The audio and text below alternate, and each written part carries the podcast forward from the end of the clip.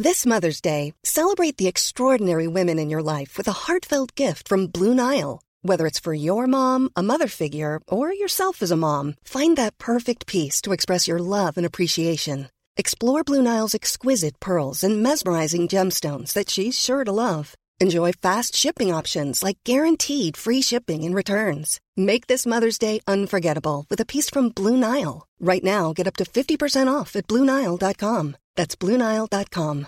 Hey Dave. Yeah, Randy. Since we founded Bombus, we've always said our socks, underwear, and t shirts are super soft. Any new ideas? Maybe sublimely soft. Or disgustingly cozy? Wait, what? I got it. Bombus. Absurdly comfortable essentials for yourself And for those facing homelessness. because one purchased equals one donated. Wow, did we just write an ad? Yes. Bombas. Big comfort for everyone. Go to bombas.com slash ACAST and use code ACAST for 20% off your first purchase.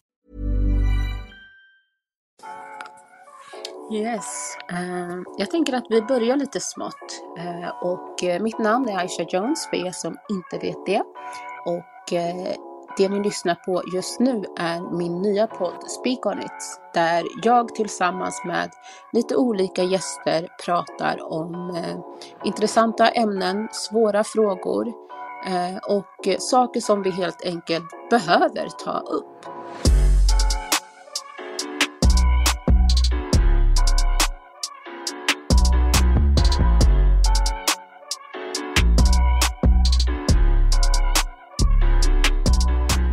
Ikväll så ska jag prata med Marita som, eh, eh, eller vars son tyvärr mördades eh, på öppen gata 2015. Och eh, Marita ska få berätta lite grann kring vem hon är och hur livet innan, eh, vad ska man säga, innan föräldraskap var och livet med hennes son, hur det var. Eh, och eh, även livet efter den tragiska händelsen. Jag tänker att eh, vi kan väl börja med att du berättar lite grann om vem du är. Det känns som att du har tappats bort lite grann i, i allt det här tragiska. Vem är Marita och vad, vad tycker du om att göra? Vad, vad, vad är din favoriträtt? Berätta, vem är du? Eh, ja, men gud vilken intressant fråga. För att det eh, brukar jag aldrig få frågan. Jag måste tänka lite, vem är jag? Ja, men det känns lite så som att... Ja, det är verkligen sant. Jag Ja. har inte ens tänkt på det. Nej. För att eh, eh, när jag var mamma till Marley så var jag ju, min identitet var ju typ Marleys mamma liksom. Mm. Och eh, efter Marley dog så blev min identitet eh, fortfarande Marleys mamma men eh, mördade Marleys mamma. Om du förstår. Så eh, jag bytte liksom, det har liksom blivit min identitet. Hans mord är typ min identitet nu. Har, har det blivit. Och det har ju inte riktigt varit självvalt precis, men det har väl bara blivit så. Men okej, jag kan berätta om mig själv då. Jag... Jo, men jag tänker att... eh, Förlåt, jag var tvungen. Men gillar alltså, jag tänker jag. just det som du säger, att din identitet eh, har blivit mördade Marleys mamma. Och jag som mamma känner att jag är, alltså min identitet är ju inte mina barn. Och det känns som att din identitet ännu mer har blivit din son på grund utav att han mördades. Eh, ja. vilket på ett sätt är inte självklart. Eh, men, men det kanske är så det blir. Men samtidigt så tänker jag att du är ju en egen person också. Eh, och ja. vi som samhället måste ju också se dig någon gång och låta dig vara Marita.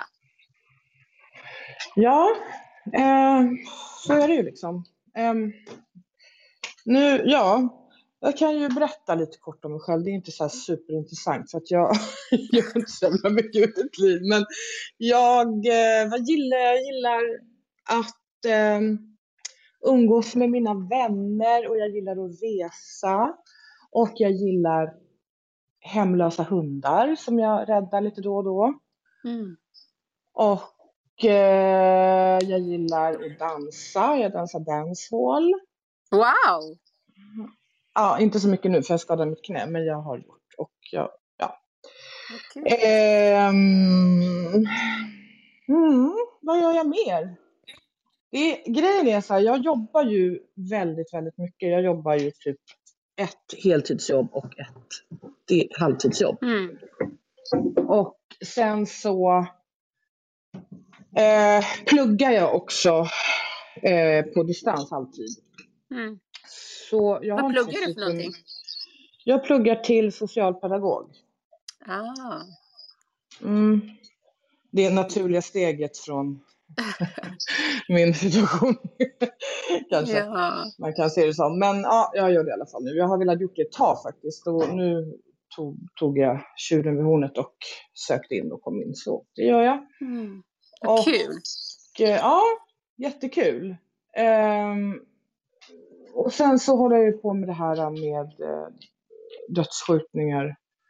Ehm, har det ju blivit och det har, det har ju liksom blivit ganska mycket tid som går åt till det. Det var ju aldrig kanske riktigt min me, eller mening. Det, det, jag visste inte att det skulle bli så här mycket. Mm. Ehm, När du säger så här mycket, vad menar du då? Vad är det som är mycket? Nej, men eftersom jag eh, började med att eh, ställa upp på någon intervju här och där och, och Mali var ju skjuten för nästan sju år sedan snart. Och Mm. då, hela min tanke från början var faktiskt att jag ville prata om Marley. Delvis för att, för att jag var jätterädd att han skulle bli bortglömd. Mm. Att han bara skulle bli liksom en siffra i statistiken och som att han aldrig har funnits. För han var så eh, stor personlighet. Så att jag Mm. var så nej, han kan bara inte ha dött. Och sen Mm. är det bortglömt. Mm. Så jag eh, började ställa upp på några intervjuer här och där eh, angående gatuvåldet. Och sen så gjorde jag ju också det såklart för att jag ville ha en förändring självklart. Mm. Ehm, och sen så ställde jag upp på en, en bok som Alexandra Pascalidou skrev som heter Mammorna. Och i och med att den boken blev så himla eh, uppmärksammad och vart nominerad till Augustpris och sådär så vart det intervjuer på grund av det och ehm, sen så blev ju den boken en pjäs och sen så, ja men du vet, så ställer man upp på det ena och det andra. Så Mm. det är liksom ringa på vattnet. Och det var ju aldrig kanske min tanke att det skulle bli så här mycket. Mm. För det blir ju nästan som ett till deltidsjobb. Ja, oh ja. Mm. Vilket jag absolut, jag beklagar mig inte, det är inte det. Men jag har Fast väldigt jag, tid.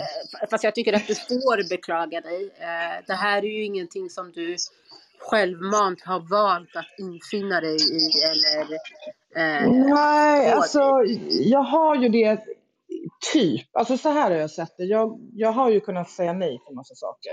Men Mm. eftersom jag så gärna ville att folk skulle höra talas om min son och att skulle, han skulle bli ihågkommen och Mm. också att jag vill att, att det här som händer i Sverige ska uppmärksammas så har jag, även om jag inte alltid har känt att jag har velat eller orkat så har jag sett det som ett privilegium att få en plattform att prata på. Ja.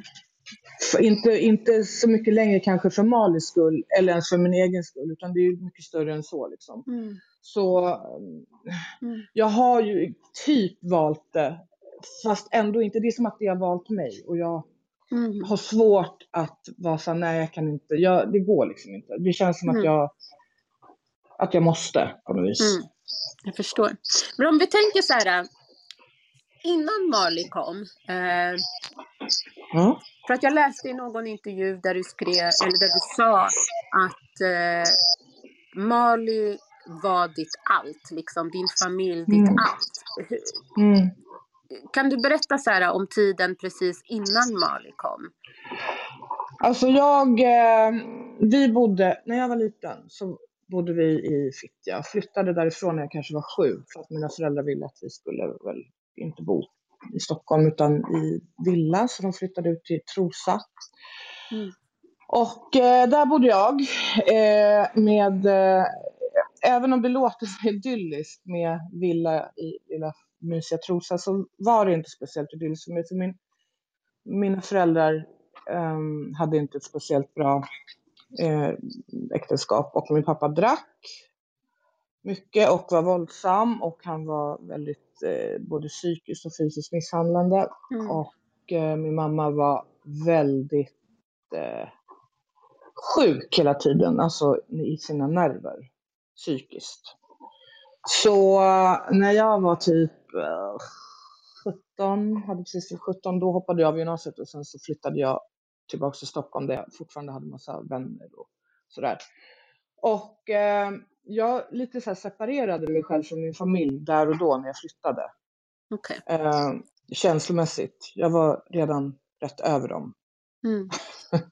Mm. och eh, eh, så bodde jag väl här och skaffade jobb och härjade runt. Och sen eh, så träffade jag min sons pappa när vi var väldigt unga, alltså vi var typ tonåringar. Mm. Och eh, jag var jättekär i honom. Han var väl kanske två år yngre än mig. Va? Jag kanske var 19, han var 17. Äh, något sånt. Jag var 20 och han var 18, säger vi. Mm. När vi började träffas. Och eh, han hamnade i fängelse. Ganska omgående. Mm. och då var jag så alltså jag var så ung och jag var så kär så jag åkte och hälsade på. Och tänkte liksom att allting skulle ordna sig. Och Mm. eh, sen vart jag gravid. När jag var 23. Och är det med eh, han som åkte in då eller? Ja, det... men precis. Vi höll ju liksom ihop. Han satt ju inne hela tiden och jag Mm. ja, inbillade väl mig att vi hade någon slags romantisk relation som, Mm. var, som var idealisk. Men så fort jag Mm. fick Marley så var det som att jag vaknade upp och alltså det här funkar inte för mig. Eller för mig, det här, för jag var fortfarande kär i Marleys pappa men jag eh, ville bara inte att min fina nyfödda son skulle behöva åka till Kumla för att eh, träffa sin pappa. Så Mm. jag Om jag får åkte till fråga. Mm. v- vad, och du behöver absolut inte svara, men vad satt eh, han innanför? Han satt inne för eh, kidnappning och eh, ja, någon slags kanske grov misshandel. Jag vet, kommer inte riktigt ihåg exakt vad, vad det var som vad han var dömd för. Jag vet vad han gjorde men Mm. det var en kidnappning med väldigt mycket våldsinslag i. Ehm, Mm. Och eh, det var ju andra gången han satt inne på kor- Alltså han åkte in första gången när han var 17 och satt ett Mm. år för rån. Mm. Ehm, och sen så, ja. Men hur som helst, så jag åkte, jag åkte till Kumla och så gjorde jag slut med honom. Ehm, Och då är Marley född när du gör? Ja, han är nyfödd. Ja, Mm. precis. Och sen så, ja, alltså jag vet inte hur jag ska förklara, men det var som att jag såg hela livet med nya ögon på något Mm. vis. Alltså att jag, Det är väl jag lite var ju det som sagt, barn gör? ja Alltså, men exakt, och jag var ju fortfarande kär i- Malins pappa. Jag hade väl kanske velat, men jag ville bara det bästa för min son. Och det var inte det bästa, kände jag. Mm. Eh, och så sa jag till, väl till hans pappa, så, men du kanske när du kommer ut om, det kanske var ett och ett halvt år kvar, så kan vi väl försöka. Och jag tänkte, jag trodde ju då att han faktiskt skulle, han har ju fått barn tänkte jag, så han kommer ju skärpa sig. Alltså han Mm, kommer ju mm. komma ut från fängelset och lämna den livsstilen och Mm. vara en Kanske få familjefader. samma... samma Ja, exakt samma känsla som, exakt, ja, Ja. exakt. Så han kom ut och då var väl kanske Malin två då. Och Hur mycket hade Eh, Marley träffat sin pappa under de två första åren där då? Nej, men det är ju ingenting. Ingenting? En gång. Nej. Okej. Ehm, med det sagt så var Malins pappa inte helt lätt människa att ha att göra med. Ehm, Mm. Ja, han... Mm. Ja, det är en historia för sig. Men han var inte Ja. en enkel person att ha att göra med helt enkelt. Mm. Eh, så han kom ut och eh, det gick inte så bra. Han flyttade hem till oss och det funkade inte av olika anledningar. Mm. Så han flyttade ut och eh, sen så var det liksom jag och Marley. Marleys pappa valde den livsstilen och det livet och Mm. det var ju inte helt förenligt med att ha ett litet barn. Mm. Och sen åkte han in igen rätt snabbt och satt inne mer eller mindre hela tiden tills Marley var kanske 12 eller 13. Okej. Mm. Mm. Så han eh, var inte, alltså du var mer eller mindre ensamstående Ja, helt. Ja. det var jag. Hur var det med, alltså så här, äh, för att om jag minns rätt så självaste na- äh, natten, kvällen då Mali dog så hade han ju varit hos sin eh, farmor tror jag det var. Mm. Hade han någon relation till liksom pappans familj eller försvann pappan? Ja, ja alltså, när Marleys pappa kom ut så hade han gift sig med en kvinna och fått ett barn. Och Okej. jag hade väldigt lite kontakt med honom för vi har en väldigt svår relation. Mm. Ehm, som jag liksom inte ens kan berätta någonting om för att det går Mm. liksom inte. Men ehm, Mm. en jättesvår relation. Och Mm. eh, så Mali, när Mali, var, när Mali blev lite äldre, när han blev 14-15, då ville han själv ta kontakt med sin pappa. Mm. Och eh, då gjorde han det. Och Mm. eh, det var då också han fick väl en relation liksom, till sin farmor och, och till ja, hans andra, liksom, den familjen. Så de hade ju haft en, en relation ehm, i något år. Mm. Ja.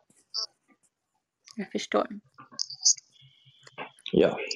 Och eh, om vi tänker på, och som jag sa till dig innan också, känn dig fri att när du vill eh, avbryta. Eh, Mm. Så att vi tar det här i det tempot som du vill ta det i. Men självaste kvällen då när Mali mördades, eh, Mm. om vi börjar alltså, den morgonen, vad gjorde, vad gjorde han, vad gjorde du, vad gjorde ni? Och får jag bara gå tillbaks till vad du sa om att Malin var mitt allt, för jag tappade liksom bort det lite grann. Ja, absolut. Så, min, hela min, vad jag ville komma fram till med det jag sa var att det var alltid bara jag och Marley genom Mm. allt. Mm. Alltså han var min familj Mm. och jag var hans, om du förstår. Mm, Även om absolut. vi hade några strösläktingar, strösläktingar där, Mm. så var det liksom han och jag som var familj. Mm. Och han var verkligen typ allt jag hade. Mm. Alltså på riktigt, allt jag brydde mig om var Mm. han. Mm. Ehm, så, tillbaks till din fråga. Ja, Vad vi gjorde. ja Mm. den morgonen, eh, när Mali vaknade, när du vaknade, hur såg det ut? Om du bara liksom tar oss igenom den, den dagen. Ja, det är jättesjukt för att jag kommer faktiskt inte riktigt ihåg hur det såg ut på den morgonen. Jag har försökt för det känns ju som att det är jätterelevant. Mm. Men det jag kommer ihåg, eller liksom det som sitter fast i mitt minne mer är kvällen innan. För att vi, eh, Mm. Mali var ju 19, han var alltid väldigt upptagen, ung man, med att Mm. eh, han jobbade på Adidas eh, och han pluggade och hade massa kompisar och så vidare. Så han hade ganska lite tid för sin gamla mamma. och då hade jag väl tvingat honom, nej jag hade inte tvingat honom, men vi brukade ha söndagar liksom som våra dagar. Vi brukar göra så här söndagsmys och Mm. köpa mat och du vet så. Mm.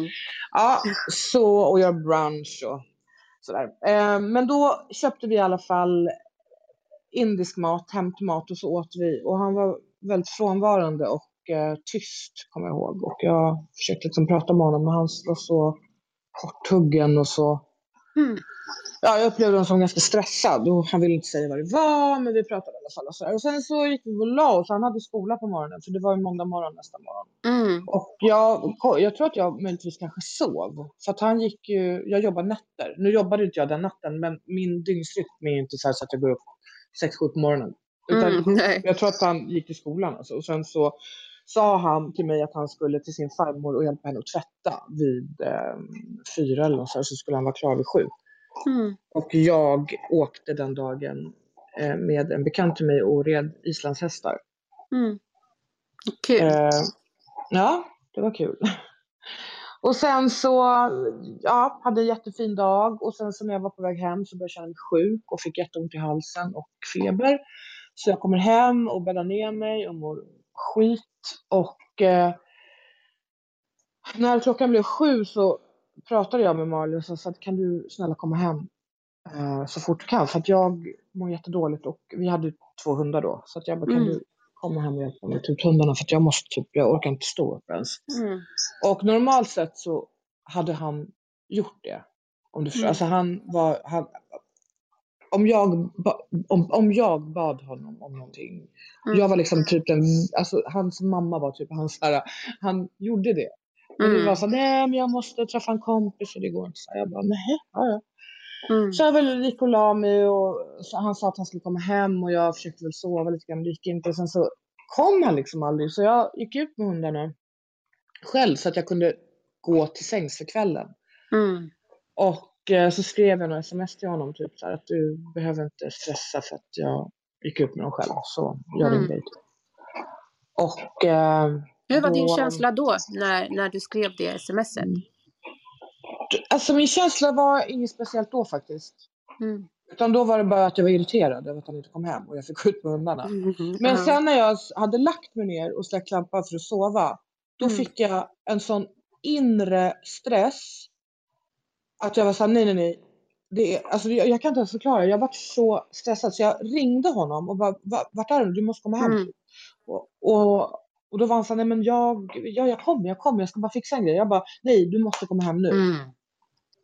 Ja, och han kommer inte och jag försöker sova men jag kan liksom inte koppla av för att jag var... Och sen så somnade jag till till slut och då drömde jag att han var med i en bilolycka. Oj. Mm. Och ringer honom igen och det, det var som att, alltså det låter så sjukt men jag fick typ en förvarning. Alltså på Mm. riktigt. För den där stressen som jag kände att jag var tvungen att få hem Mm. honom var inte normal. För att jag, det fanns ingen anledning för mig att känna den stressen. Alltså Mm. ingen alls. Mm. Nej, man brukar ju Eh. säga att en mamma kan känna på sig. Ja, jag visste. Tyvärr. Och han dog ju också i en bil. Det är det som är det sjuka. Mm. Nu var det ingen bilolycka, men det var ju en bil. Ja. Ja. Vi ska gå tillbaka till liksom själva den kvällen, men nu i efterhand när du, alltså så här, du hade din dröm att, att eh, om bilolyckan och sen får du reda på att han har dött i en bil. Vad, vad tänker du nu så här i efterhand? Angående den eh, förvarningen? Ja. Nej, jag tänker inte så mycket om det mer än att... För det har varit så mycket saker efter det som har varit... Alltså det beror på vad man...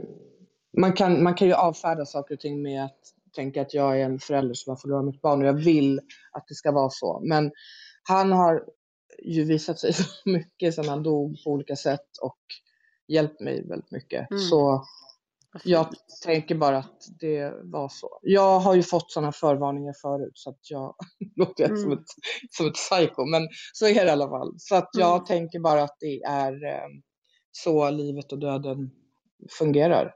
Mm. Tänker jag. Mm. Jag förstår. Ja. Och jag men om tänker att kärlek går ju liksom människor man älskar. Eh, livet och döden är ju inte så långt ifrån varandra. Alltså, Nej, det försvinner ju inte med att någon dör. Utan, Ja. Ja. ja. Okej, men så du, du ringer honom och säger det att ja, han ska komma hem så fort som möjligt och så. Och, Ja. Precis, och sen så till slut så skickar jag ett sms när jag typ surt skriver så här, men jag har inte du skola imorgon? Skriver jag till honom, för då var klockan 12 någonting. Mm, Och då skickar han ett sms tillbaka och säger han, jo, um, oroa dig inte, jag vaknar. mm. Typiskt tonåring liksom. Ja, exakt. Ja, exakt. ja. Ja, och då um, somnade jag till och sen så vaknade jag av att min telefon ringer efter kanske 20 minuter och då är det min sons pappa som ringer mig och säger um, vad gör du typ? Jag bara, vad jag, och jag bara, varför ringer han mig? Tänkte jag. Ja. jag bara, jag eh, sover. Vad vill du? Mm. Och då sa han, ja då får du ta och vakna. Jag bara, varför det? Jag bara, för att vår son har blivit skjuten, säger han då. Oj, ja. Och då sa väl jag typ, men va? Vad menar du typ? Vadå skjuten? Ja, han har blivit skjuten. Jag bara, vart har han blivit skjuten? Han bara, i huvudet. Aj. Ja. Och då säger han, jag kommer att hämta dig. Så jag går upp och eh, går ut med hundarna för jag tänker så här, skjuten i huvudet. Jag bara, det kan ju vara, kanske ta ganska lång tid på sjukhuset. Mm. Det är bäst att jag går ut med hundarna. De klarar sig ju några timmar sedan. Mm.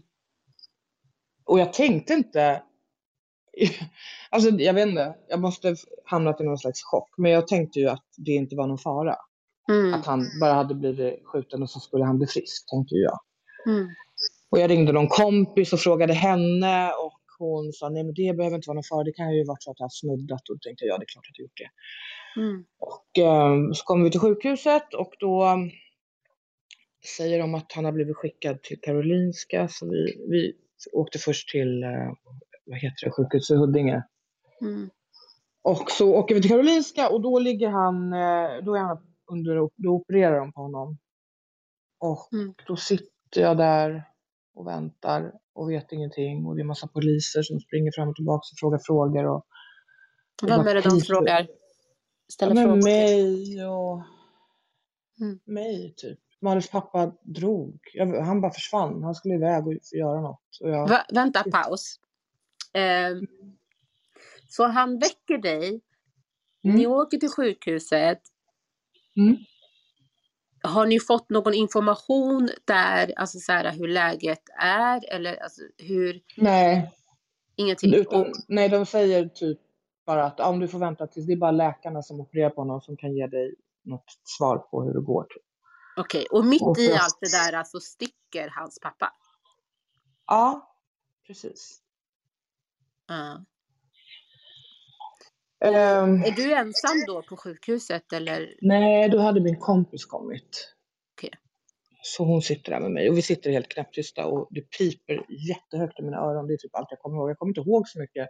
Men att det bara är rörigt och jag förstår inte vad som händer och det är, ja. Hur som helst, efter någon timme så kommer väl sköterskan och säger att de har lagt honom i respirator på NIVA, alltså vad heter det, Neuro, neurologiska intensivavdelningen Mm. i någon korridor där. Så då fick vi gå upp dit och då ligger han där med bandage runt huvudet och eh, ehm, och i respirator. Mm. Och då är ju klockan kanske tre på natten eller något sånt, fyra. Mm. Och han, alltså, han är inte död då, Nej, det är han inte. utan han Men, kämpar eh, för sitt liv. Ja, men precis. Och Mm. eh, då eh, så förklarar en läkare för mig att de kommer göra massa tester under dagen på hans hjärna för att Mm. se om han har någon hjärnaktivitet. Mm. Och har han minsta lilla hjärnaktivitet, bara en procents hjärnaktivitet, så, Mm. så, får, så stänger de inte av respiratorn. Men har han ingen hjärnaktivitet så räknas han som eh, eh, död, Mm. lagligt död och då måste de stänga av respiratorn. Så eh, de gör något första test och så kallar läkaren in mig på något rum och så säger han till mig så ah, det ser inte bra ut för att Mm. eh, kulan har rikoscherat i hans huvud. Och vad betyder det? Re- den, den, är, den har gått in i bakhuvudet och så har den studsat in i hjärnan. Aj! Alltså studsat, Mm. ja. Och eh, så han sa hans hjärna är som potatismos. Så ja. Och ja, det är det här, jag kommer inte som sagt ihåg, jag kommer ihåg det här. Jag kommer inte ihåg, jag kommer ihåg att jag skrek på honom och kastade min väska på honom och På läkaren? Ja, Mm. Mm. och sen så, ja, så tänkte jag också framåt sjutiden så började jag tänka så här, gud jag kanske ska börja ringa till folk, typ min, min, mina, min mamma och dem och Malis Mm. kompisar och sådär. Så jag började ringa till någon, mina kompisar och de ringer ju såklart vidare. Mm. Och eh, till Och vad säger du? Det första samtalet som du ringer, kommer du Ja, det ihåg? kommer inte jag ihåg. Nej. Jag tror att jag sa så här, hej, ehm, jag vill bara säga, ja jag vet faktiskt inte. Mm. Jag, vill, Minns jag, du vem du ringde? jag tror att jag ringde till min mamma. Mm. Fast min första som jag ringde på natten, det var ju till min bästa kompis. Ja, Hon var ju för- redan där då. Mm, mm. Men eh, ja, jag ringde väl och sa att eh, Mali har blivit skjuten och han ligger på eh, Karolinska och eh, i respirator. Så om ni vill komma och säga ta farväl så får ni göra det nu. Mm. Och vad får du för reaktioner från vänner och familj? Jag kommer inte ihåg. Mm. Jag vet inte. Jag vet faktiskt inte. Det här är så sjukt. Folk berättar för mig än idag så här, när, typ ja, men, där på sjukhuset när Ja men du vet, och jag kan inte ens komma ihåg att de har varit på sjukhuset. Jag, jag har inga minnen Mm. därifrån. Förutom bara korta så här. Mm. Vi var ju där i 24 timmar. Jag kommer bara ihåg några grejer därifrån. Mm, mm. Det är väl Men, fullt eh, normalt. Alltså jag tänker att du måste ju ha gått in i någon slags chock. Eh, Ja, som så, så att det är inte alls konstigt eller, eller så, utan det är ju bara Alltså kroppen och hjärnan är ju fantastisk på det sättet att den skyddar oss ifrån saker och ting som, som känns tufft och, och också lite grann tror jag för att du skulle orka eh, fortsätta vidare så behöver din, din hjärna och din kropp, din själ stöta ifrån sig vissa saker. ja, den stängde man ner tror jag. För folk har sagt till mig efteråt så här att när de hade pratat med mig på sjukhuset att de, hur jag hade kollat på dem var som att jag kollade rakt igenom dem, alltså som en robot. Mm. Att jag inte var där Mm. alls. Och det är därför jag inte kommer ihåg någonting. Mm. Jag tror att jag måste stängt ner helt. För att Mm. jag, Mm. jag hade tydligen skrikit. Du vet, jag kommer Mm. inte ihåg. Mm. Ja, jag förstår dig. Eh, Min pappa blev ju också mördad. Eh, Och eh, det är exakt så som jag också kommer ihåg den tiden. Eh, Och med det menar jag att jag inte kommer ihåg så särskilt Ja. mycket. Man kommer Ja. ihåg vissa fragment.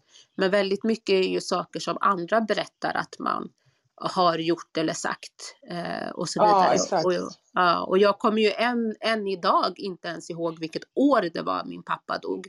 Utan jag och min stora syster, vi har en slags eh, ritual som vi gör eh, varje december. Där jag eh, runt, eh, runt Lucia någon gång smsar och bara vilket år var det pappa dog nu igen? Och så liksom svarar hon på det.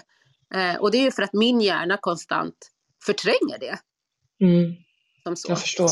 Att, och det blir Jag väl förstår. så man får göra liksom. Att man, ja, man, Ja. Man, man får skydda sig själv helt enkelt. För att orka. ja, men exakt. Så sen efter eh, eh, hela dagen gick jag där och vi de höll på. Och så till slut så kallar en läkare på mig igen och säger att vi, vi har gjort alla tester man kan göra och det finns, han har noll hjärnkapacitet. Mm, Eller hjärnaktivitet. Mm. mm, Och eh, vi behöver stänga av respiratorn så ni får börja ta ett sista farväl här. mm. Och då har man gjort Oh. alla återlivnings... Ja, Alltså försök man kan. ja, ja, ja. ja. Ja, alltså han hade ingen, utan den här maskinen så var ju han död. Hans hjärna Mm. var helt, han var helt hjärndöd. Mm. Och det betyder ju också att organen Inte funkar klara. inte. Nej, Ja. för det är ju hjärnan som bestämmer Mm. vad organen ska göra. Så. Ja. Ehm, ja, och då är det det där att de stänger av respiratorn då. Mm. Och när det görs, vilka är kring Mali? Är det, är det bara du och din bästa vän? Eller? Nej, det är inget. Det var sånt, åh, det var så hysteriskt där inne. Det var ju Malis familj, pappas familj från Nigeria. Så Mm. de hade ju hämtat en massa folk från kyrkan som la biblar på honom och stod och bad och skrek. Och, Ja. och det var folk var ju liksom i chock och grät och det var, Mm. ja, Mm. det var jätte, jättejobbigt. Och eh, till slut så bad jag folk, eller jag sa väl åt sköterskorna om de kunde ta ut människor så jag fick sitta med honom själv. Mm. Och jag sa till sköterskan också att jag ville vara med när de stängde av respiratorn men det tyckte inte hon var en bra idé för att hon sa att det var så traumatiskt när kroppen börjar lägga ner så ja, rycker den Mm. och det, hon sa att det kan vara Mm. traumatiskt och då lyssnade jag på henne och sa okej hon bara kom in sen är det klart. Jag bara, Mm. och det ångrar jag sjukt mycket idag. Mm. Men så var det i alla fall. Mm. Han var ju för sig redan död egentligen. Mm. Men eh, ja, och sen så sitter jag med honom där och pratar och så går jag ut och så stänger man av respiratorerna och så får jag komma in igen och då har de tänt ljus och så ligger han där. Och det jag kommer ihåg när jag kommer in var att jag fick panik när hans eh, bröstkorg inte rörde sig. Mm. Som det gjorde med när han andades. Mm. Att den var helt stum. Mm.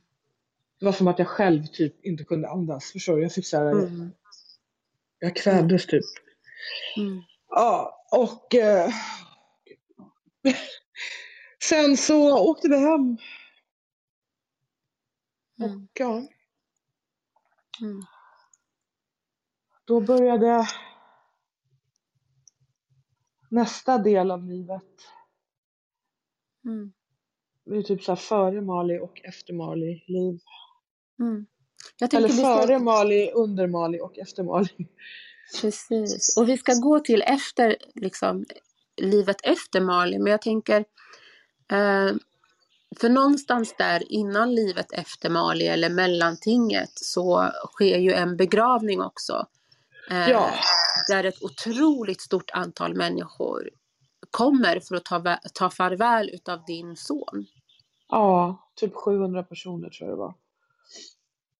Vilka var alla de människorna? Och, och det, Alltså det var ju allt från, ja, jag kommer, det är också en så här moment för mig när jag inte kommer riktigt ihåg. Mm. Ehm, Jag var tydligen for, dagen innan så kör mina kompisar mig till, eh, eh, vad heter det, psykakuten i Mm. Sankt Görans psykakut för att jag Mm. mådde dåligt. Och Mm. eh, då ville jag väl få någon slags lugnande inför begravningen. Och då så Mm. sa läkaren till mig att de ville behålla mig där för att jag hade tydligen någonting som kallas fördröjd chock. Eh, fördröjd Mm. chock. Mm. Så jag var liksom fortfarande i chock. Sam, det hade ju gått två och en halv vecka och jag var fortfarande i exakt samma chocktillstånd som jag varit sedan, sedan den natten han blev skjuten. Mm. Eh, vad det nu alltid innebär, att man inte kommer ihåg saker, att man är liksom, jag, mina kompisar sov de hade ju tagit ledigt från jobbet för att de skulle i jour typ vara hemma hos mig dygnet runt för att jag, de var så oroliga att jag skulle ta livet av mig. Jag fick inte låsa toaletten för de trodde att jag Mm. ja, skulle gå in och Mm. ta livet av mig helt enkelt. Men ehm, Så här i efterhand, när du tänker på dina kompisars oro och att de liksom turades om att, eh, att vara med dig Mm. och, och någonstans vaka över dig. Mm, Kan du känna att den, att den oron som de hade var legitim? ja, jag ville inte leva egentligen. Mm. Jag ville faktiskt inte leva. Jag tänkte varje dag på att ta livet av mig. Mm. Eh, men sen så är jag ganska feg så att jag, jag vet inte om, det var inte som att jag var såhär, jag ska ta livet av mig, men jag funderade på det varje dag. Mm. Och övervägde om det var så att jag skulle göra det eller inte. Men eh, sen när det hade gått eh, ett tag, liksom, några månader, så kom jag väl fram till den här debatten som jag hade pågått i mitt huvud i flera månader om för och emot.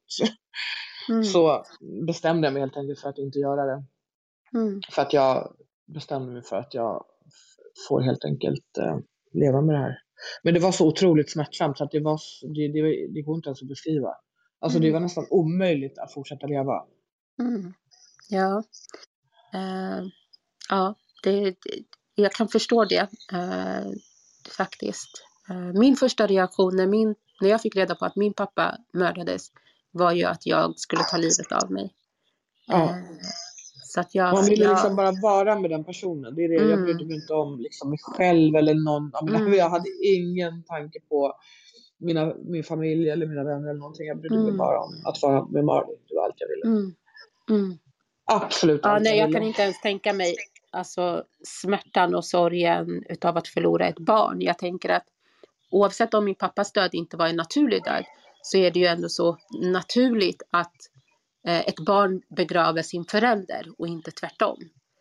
Mm. Eh, Så att jag, Ja. Men sen så är ju våldet i någons död är ju också trauma i sig oavsett liksom Oh ja. om det är eh, barn eller om det är en förälder eller vad det är. Det är ju liksom, det är inte naturligt. Nej. Även om det var din pappa och så, så är det inte naturligt med mord. Mm. Förstår du vad jag menar? Mm, Och 100%. det är ju trauma i sig. Oh ja. Oh ja.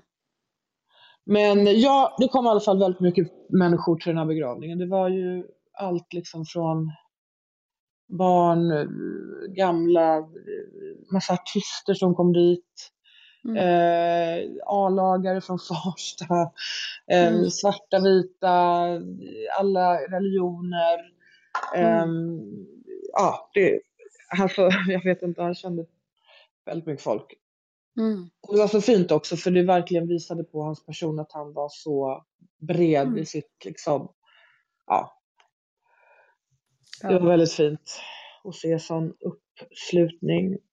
Mm. Ehm, en jättevacker begravning var det. Mm. Vad fint. Mm. Och okej, Mali är begravd. Eh, du, eh, du är ensam. Du har förlorat, som du säger, ditt allt. Vad... Ja, jag hade ju dessutom, det här är ju inte ens i närheten, men jag hade precis varit gift i några år med en man som inte var Malis pappa. Och Mm. sex månader innan Mali eh, blev skjuten så hade jag skilt mig. okej. Och eh, vi hade en ganska ehm, turbulent eh, liksom, äktenskap. Det var inte speciellt bra. Han var också våldsam. Mm. Och eh, trots det så, så är det ändå liksom någonstans om man skiljer sig så är det ju inte det man har tänkt när man har gift sig. Nej. Så jag var redan rätt så här, mådde ganska dåligt ehm, Mm.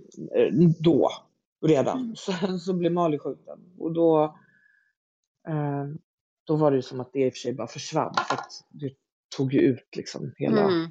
Mm.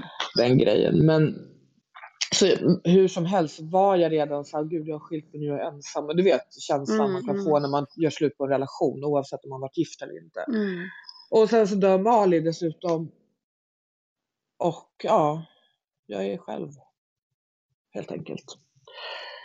Ehm, och det, den tiden, alltså jag var sjukskriven i två och ett halvt år och den tiden gick ju mest åt till att eh, Alltså jag kommer faktiskt inte ihåg mycket Mm. heller från det. Jag mådde väldigt dåligt alltså.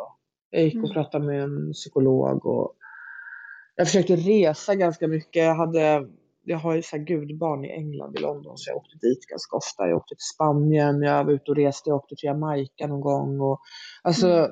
jag försökte, liksom, kanske inte precis i början, men efter liksom, ett tag. Mm. Försökte komma bort från Sverige och sådär.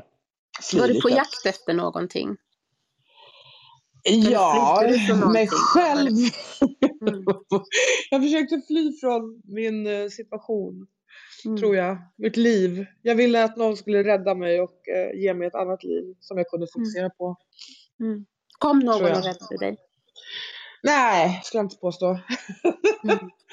det var ingen som kom och rädda mig förutom eh, att det var ju på ett sätt eh, väldigt skönt att få komma bort eh, under perioder. Alltså få komma bort från miljön här där man blir påmind hela tiden och människor visste ju om vad som hade hänt så folk varenda dag så var det någon som kom fram och beklagade sorgen och sådär.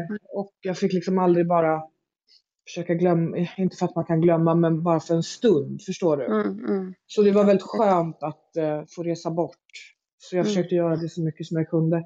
Men det har ju varit min strategi hela tiden att fly har jag insett. För grejen är när det händer sådana här saker som det här. Man vet liksom inte hur man reagerar och man vet inte hur. Alltså det, det man försöker göra är ju att typ överleva. Ja. Och jag eh, har ju gjort det på mitt sätt så som jag har tyckt funkat. Antar det har inte ens varit medvetet utan jag har bara gjort det. Och jag har ju...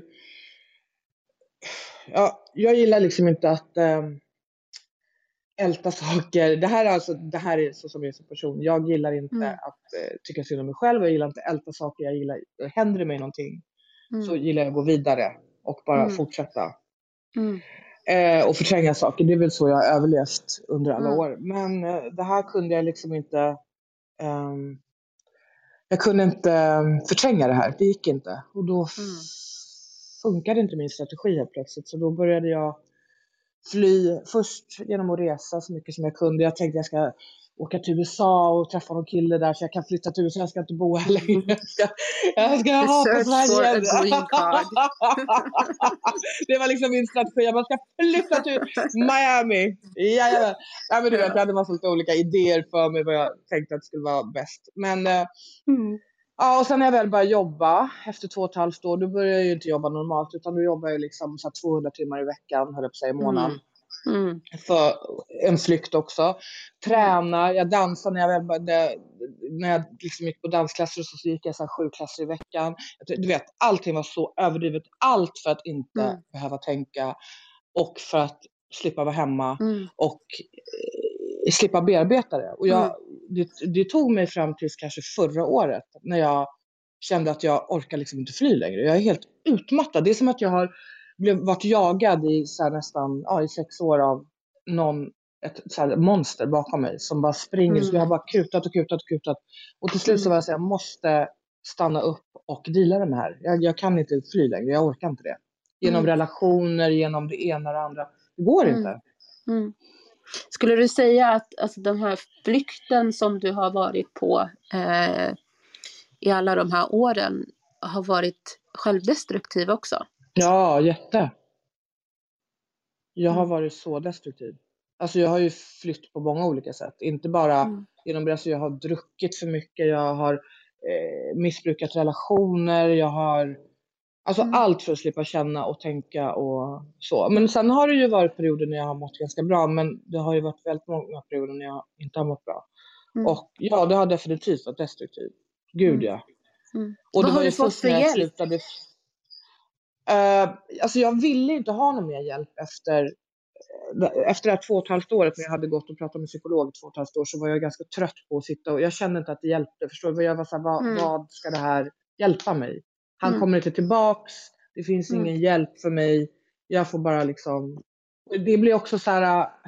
Jag orkar inte. Jag ville bara glömma bort det. Det var ju då jag blev destruktiv också när jag försökte mm. förtränga det så som jag har. Eh, men det var svårt för mig att hitta en balans kände jag. Att mm att deala med det eh, kunde jag inte riktigt och då förträngde jag det men det funkar inte att förtränga heller. Så jag var, förstår du? Så att jag, mm, jag det tog ganska lång tid för mig att hitta vad jag behövde göra. Mm. Och jag håller fortfarande jag på och försöker förstå hur jag ska leva med det här men det går ju mycket, mycket bättre. Mm. mm. Nej, det är ju ett, en limbo, eh, det är det definitivt.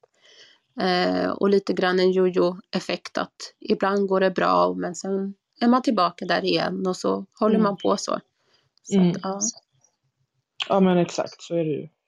Men eh, ja, sen så har ju faktiskt, även om jag ibland kan tycka det är jobbigt med hela den här att jag alltid, hela min identitet är liksom hans mord, så har det ju också såklart gett mig mening och Malis liv, eller inte Malis liv kanske, men hans död, en mening med att jag kan göra skillnad i den här debatten. Ibland så tror jag att jag gör skillnad. Det gör du definitivt. Ibland tror jag inte att jag gör skillnad. jo, jo, jo. ja, det är inte alltid jag känner att jag gör det. För ibland, ibland får jag frågan så här, men tycker du att, eh, känner du att eh, det här hjälper, liksom, det du gör? Jag bara, nej. Jo, men jag tänker att, eh, och nu, nu vill inte jag prata för eh, någon som sagt, jag har inte förlorat något av mina barn. Men jag tänker om jag tittar på till exempel din och Carros relation. Eh, mm. Och för er som inte vet vem Carro är, eh, Carro Sinsalo Eller hur? Sinasalo, ja. Sinasalo, ja. Eh, mm. Hon förlorade ju också sin son eh, i, eh, i, i våldet, i dödsskjutningarna. Eh, också oskyldig ung man som förlorade sitt liv. Och ni har ju funnit varandra och mm. eh, ni var ju också med och liksom en del utav den här stora aktionen eh, med mammorna ifrån Järva där över 300 mammor gick tillsammans. Alltså jag, jag, jag tror nog att, att du och ni allihopa gör skillnad. Eh, och också att ni öppnar upp våra ögon, allmänhetens ögon. För att det är ju lite grann som, som rubriken av det här rummet och, och, och podden, liksom avsnittet heter, är alla som har dödats i gatuvåldet våldet kriminella. Eh, mm. och din son var inte kriminell. Eh, Carros son var inte kriminell. Så många Nej. andra, alltså mammors eh, barn som har mördats var inte kriminella. Men ändå så har de framstått som att de var det. Så att jag, Mm. jag tycker att ni gör otroligt stor skillnad genom att stå upp och prata för era söner, kräva att media och att allmänheten inte dömer dem. Eh, för att Mm. det, det måste få ett slut på det tänker jag. Så att Mm. jag tycker definitivt att ni gör skillnad och alla samtal du har haft med, eh, med våra politiker, alltså beslutsfattarna, eh, det gör skillnad. Absolut att det är en långsam utveckling, men det är ju ändå så en utveckling. Tänker jag. Ja, jag, jag har ju, ibland tänker jag så här att alla saker som, som orättvisor i, i olika tidseror, i olika världsdelar, um, har ju, antar jag, som till exempel det här med kvinnors rösträtt eller eh, olika så här, jämlikhetsgrejer. Det, när, det, när det är när det är det normala, Mm. till exempel kvinnor, att inte kvinnor fick rösta, när det var det normala. Jag Mm. antar att det kändes som en omöjlighet att faktiskt komma till att kvinnor skulle få rösta och Precis. hela den kampen däremellan som man typ inte riktigt tänker på. Förstår du vad jag menar? Att det Mm. faktiskt är, eh, att, att man bara tar det för givet att det alltid har varit så. Och det Mm. har det ju inte. Och det är många människor som har krigat för det och Mm. liksom vigt sina liv åt det.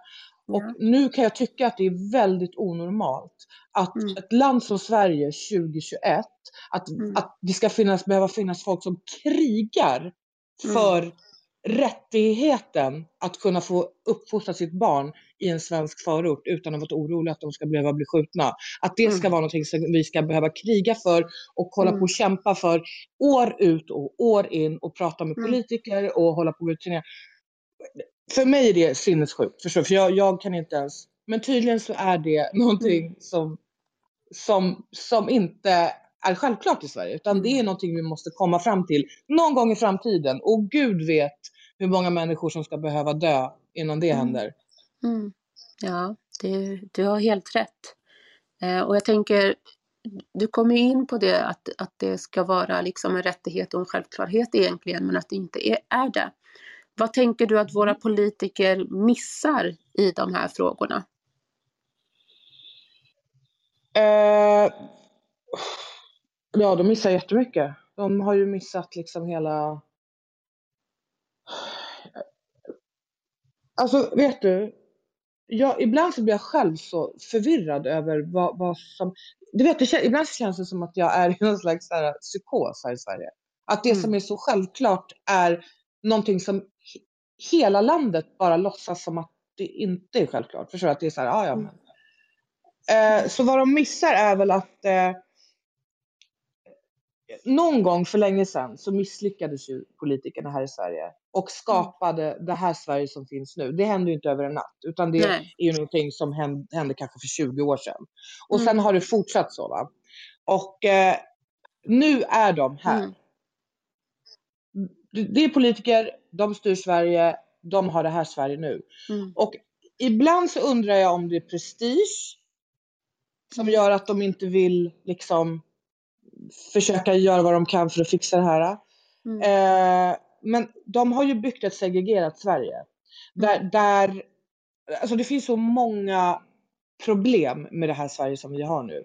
Mm. Eh, bland annat liksom att ehm, att, att det inte... Vilka lagar funkar i Sverige? Alltså vilka lagar funkar?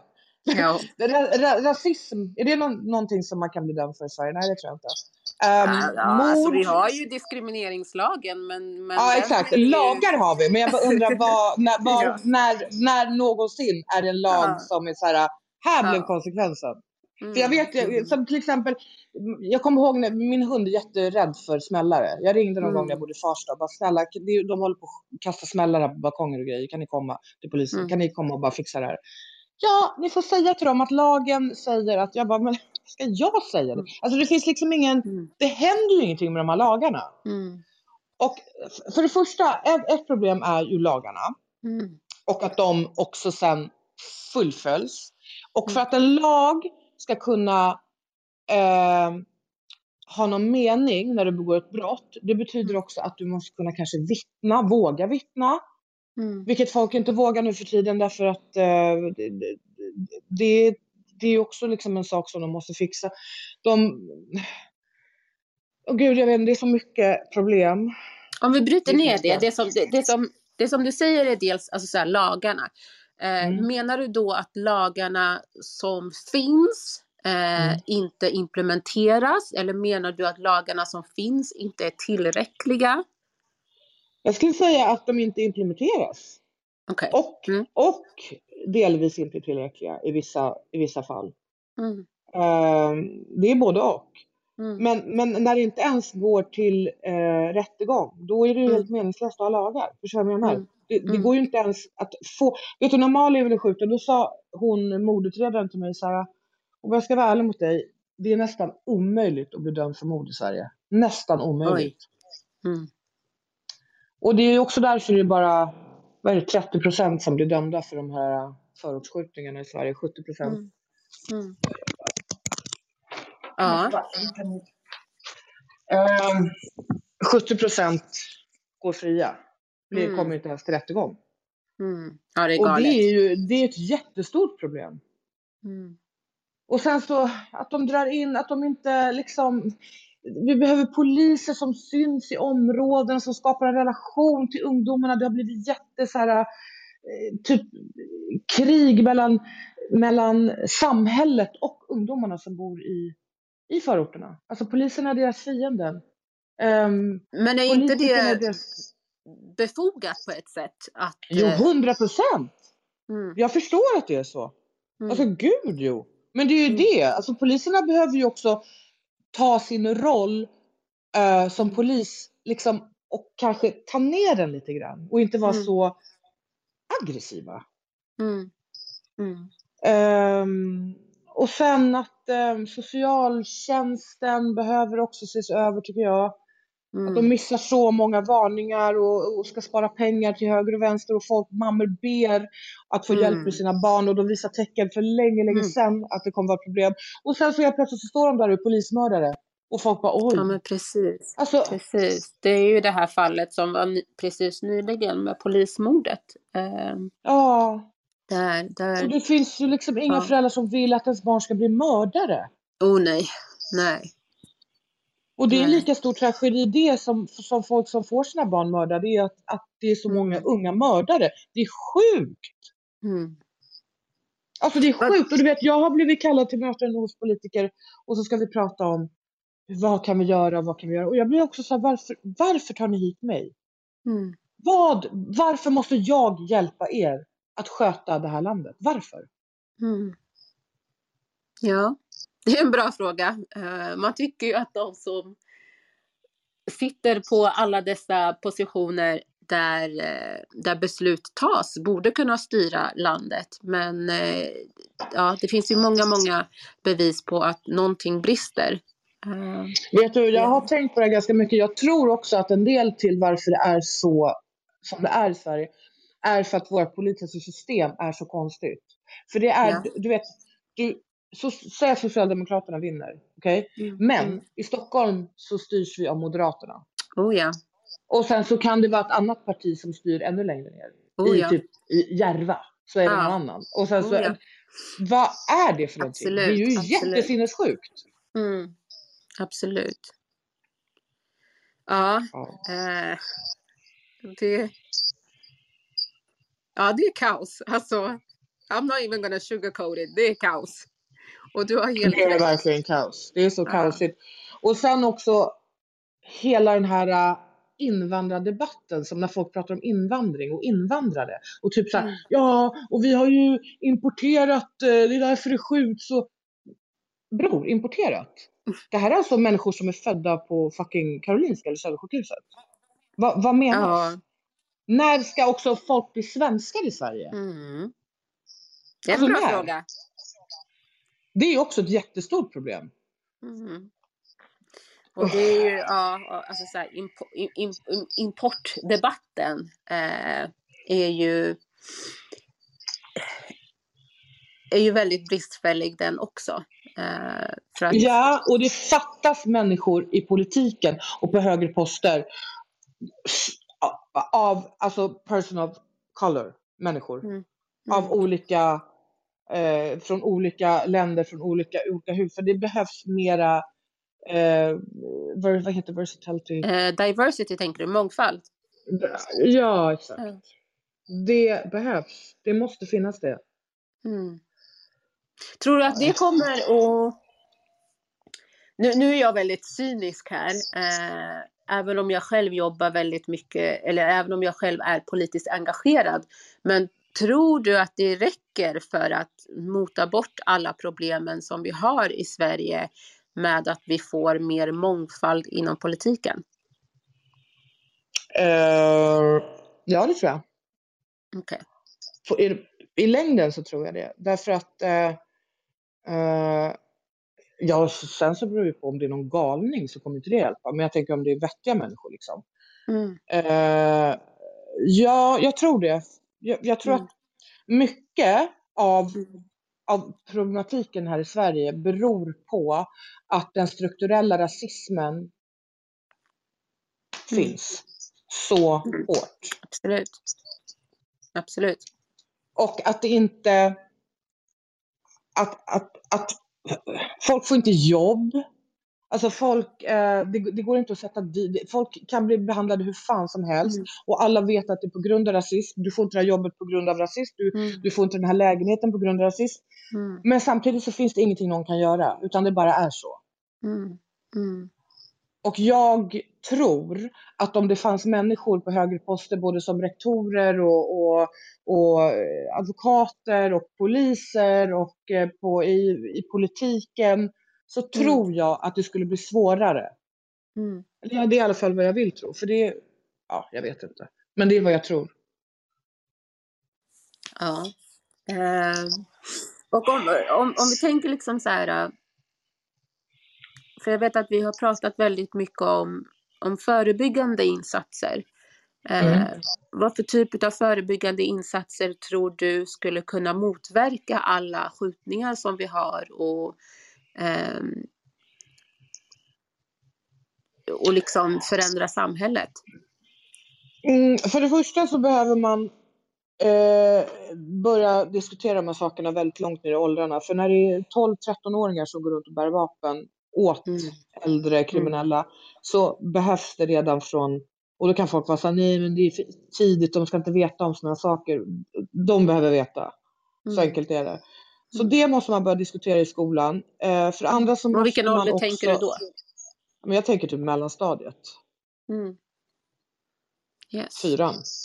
Mm. Och sen så behöver man också ehm, satsa liksom på fritidsgårdar, på, på eh, börja betala människor för, för den här typen av arbete och inte bara förlita sig på att eh, mammor ska Mm. nattvandra gratis. 100 procent. Utan det behöver börja kosta, alltså det behöver Mm.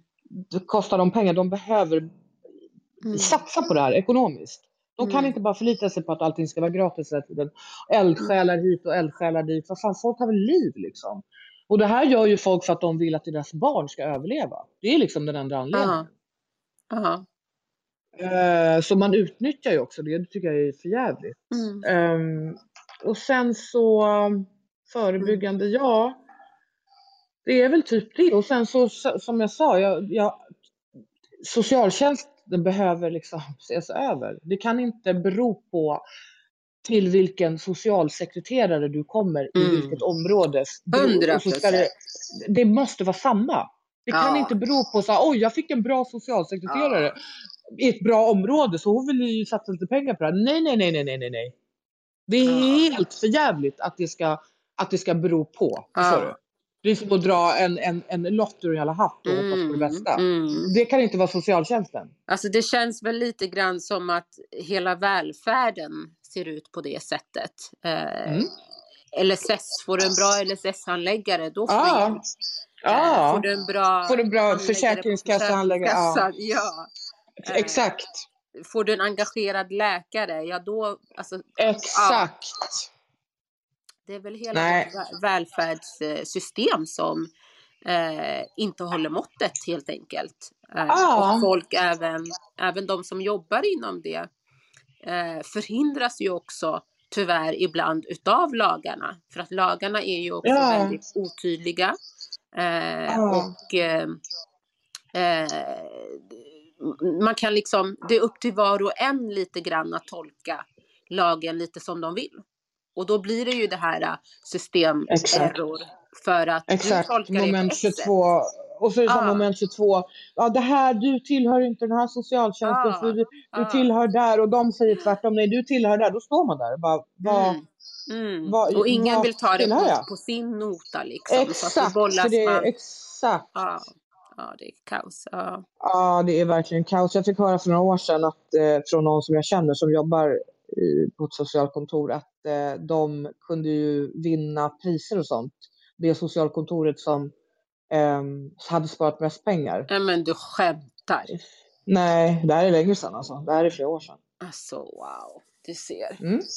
Mm. Det här är folks liv man håller på att leka Och med. det gick ju en sån här dokumentär, något på tv, jag kommer inte ihåg vad det var, där de hade smygfilmat där handläggare på Försäkringskassan fick lära sig gå kurser hur de skulle neka folk hjälp och sånt. Ja, men wow. Ja. Mm. Så det är så mycket fuffens i det här samhället som man liksom inte helt har... Mm. Alltså, jag tror att det är så... Det är det här jag menar, det är så mycket problem.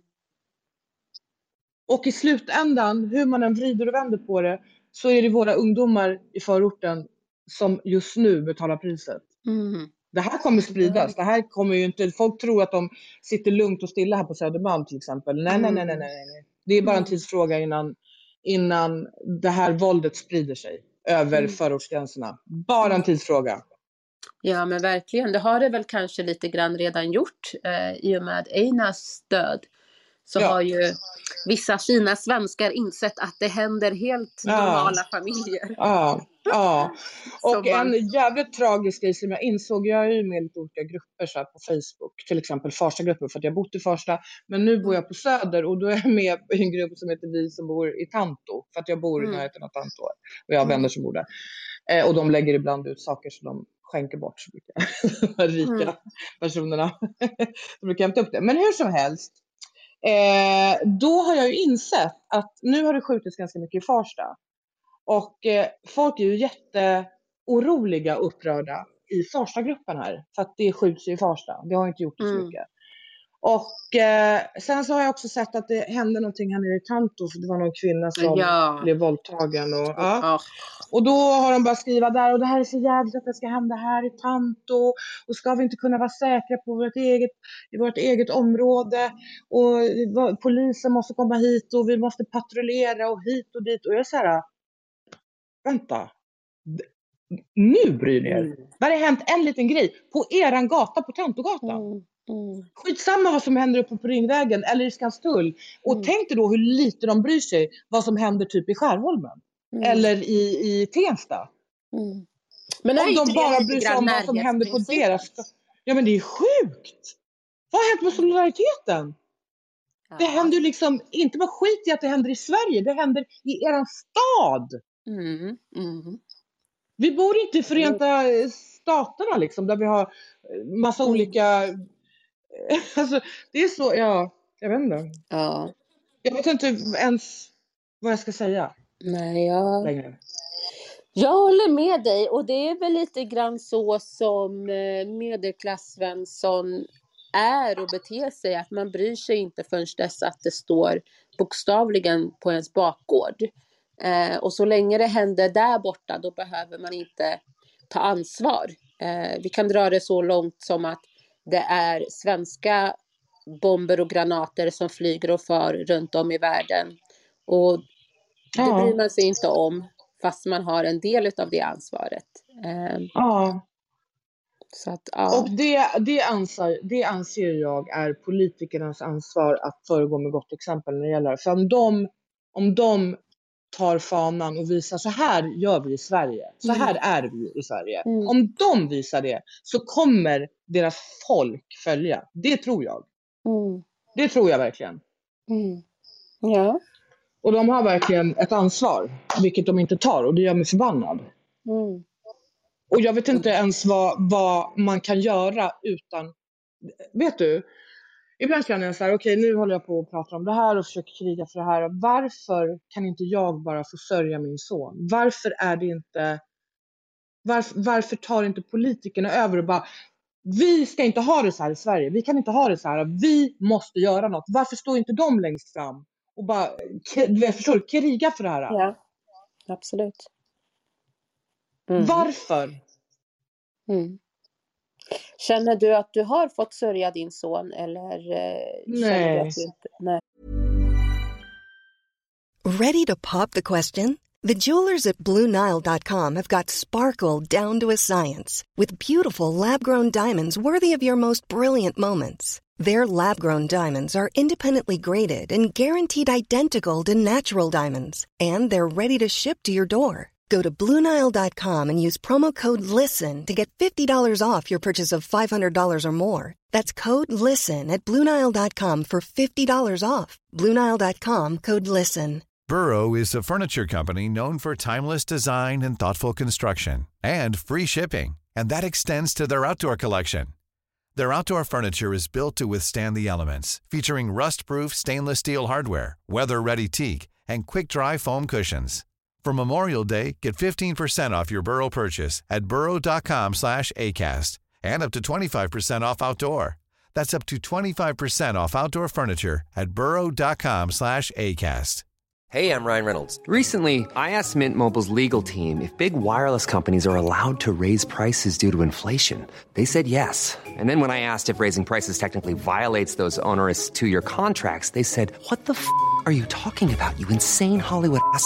So to recap, we're cutting the price of Mint Unlimited from $30 a month to just $15 a month. Give it a try at mintmobile.com slash switch. $45 up front for three months plus taxes and fees. Promo for new customers for limited time. Unlimited more than 40 gigabytes per month. Slows. Full terms at mintmobile.com.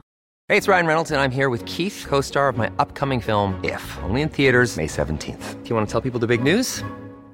All right, I'll do it. Sign up now and you'll get unlimited for $15 a month in six months of Paramount Plus Essential Plan on us. Mintmobile.com slash switch. Upfront payment of $45 equivalent to $15 per month. Unlimited over 40 gigabytes per month. Face lower speeds. Videos at 480p. Active Mint customers by 531.24 get six months of Paramount Plus Essential Plan. Auto renews after six months. Offer ends May 31st, 2024. Separate Paramount Plus registration required. Terms and conditions apply if rated PG.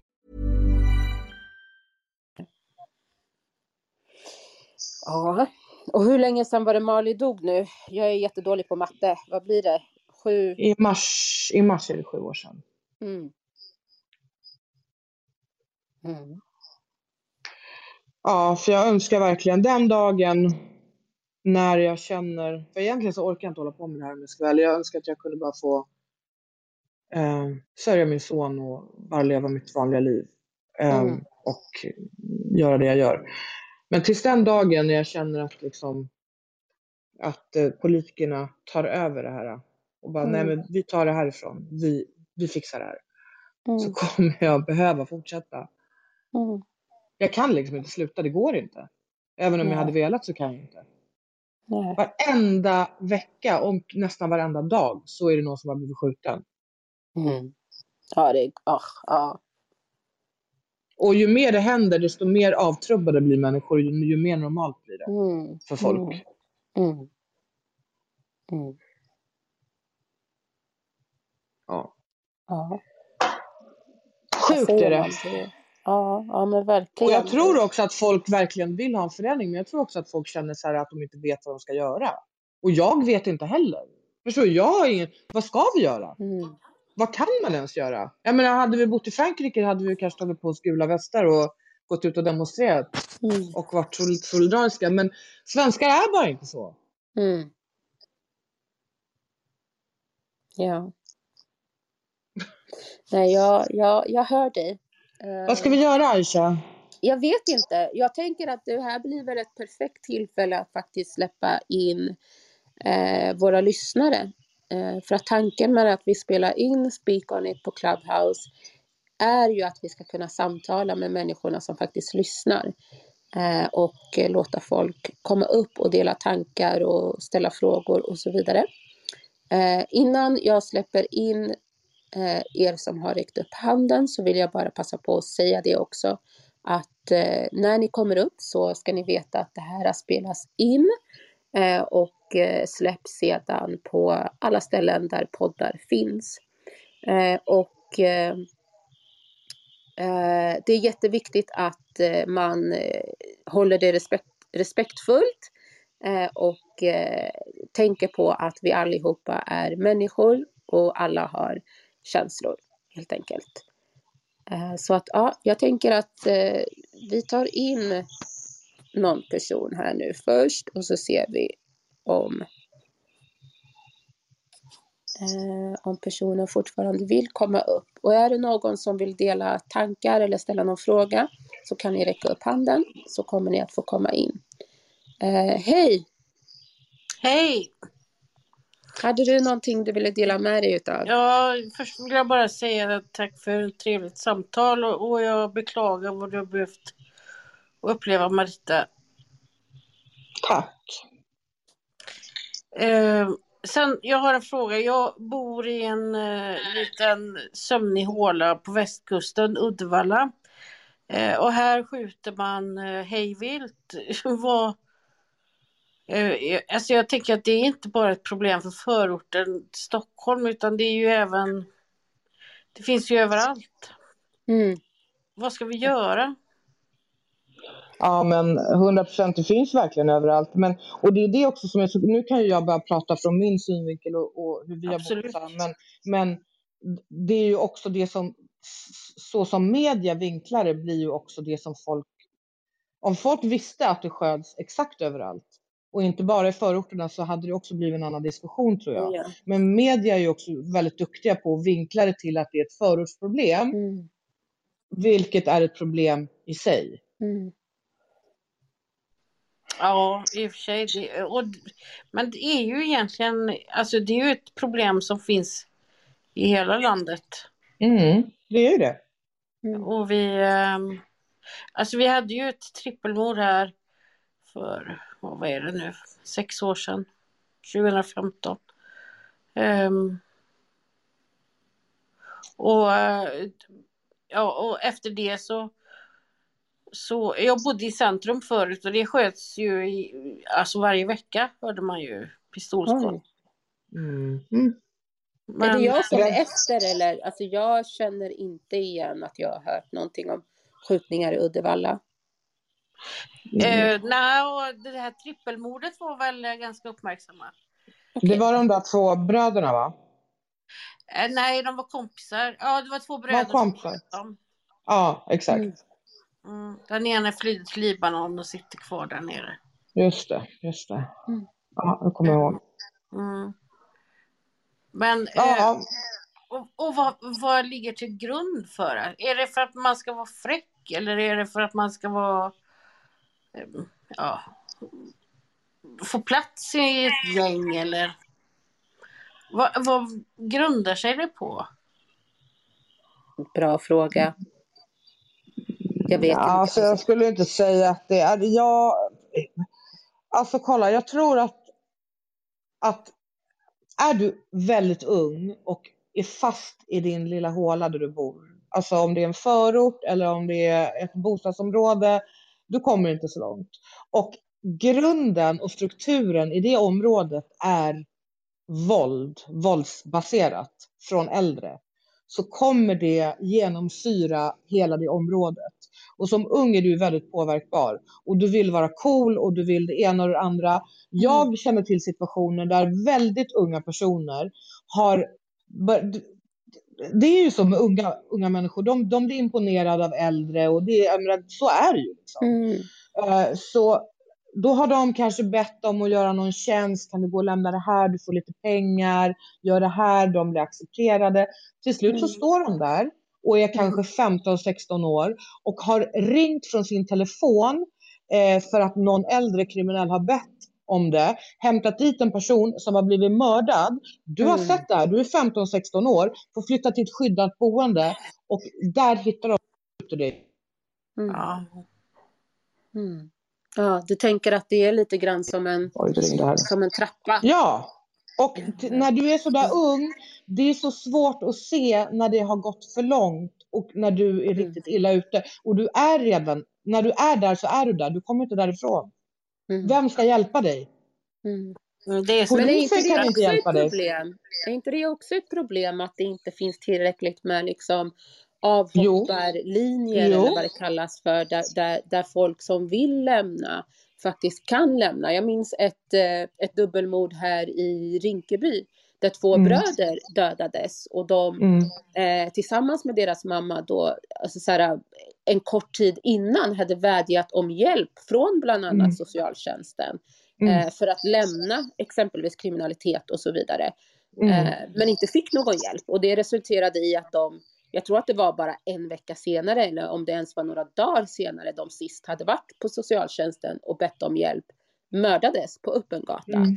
Och det är Mm. så många andra också som man hör om där liksom folk har velat lämna eller folk liksom ber om att få hjälp men, men nekas hjälp.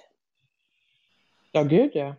Vi måste förändra strukturerna på något sätt. Ja, det är strukturerna som är problemet. Tusen procent. Och det är ju det, jag vet inte hur man gör det. Det är det Mm. som är så sjukt. Alltså jag antar att det är så att vi behöver göra det politiskt liksom, men hur? Därför att Mm. våra politiker kan ju inte ens komma överens. Mm. Ja. Nej, och, alltså jag, nu, nu säger inte jag att jag ehm, eh, röstar för eh, någonting som kallas eh, SD då. Men jag tänker bara på den här debatten som är där man står och smädar och öppet kritiserar, ger sig på SD. Jag tror att den debatten är farlig. För, eh, alltså för, oss, eh, för de som inte vill ha med SD. Mm. Eh, för att den öppnar upp så många dörrar. För att om en politiker kan stå och svära och gapa åt, åt SD så då kan man göra det på alla andra ställen också. Eh, Hur menar du nu? Nu är jag inte säker på att jag hänger med riktigt här.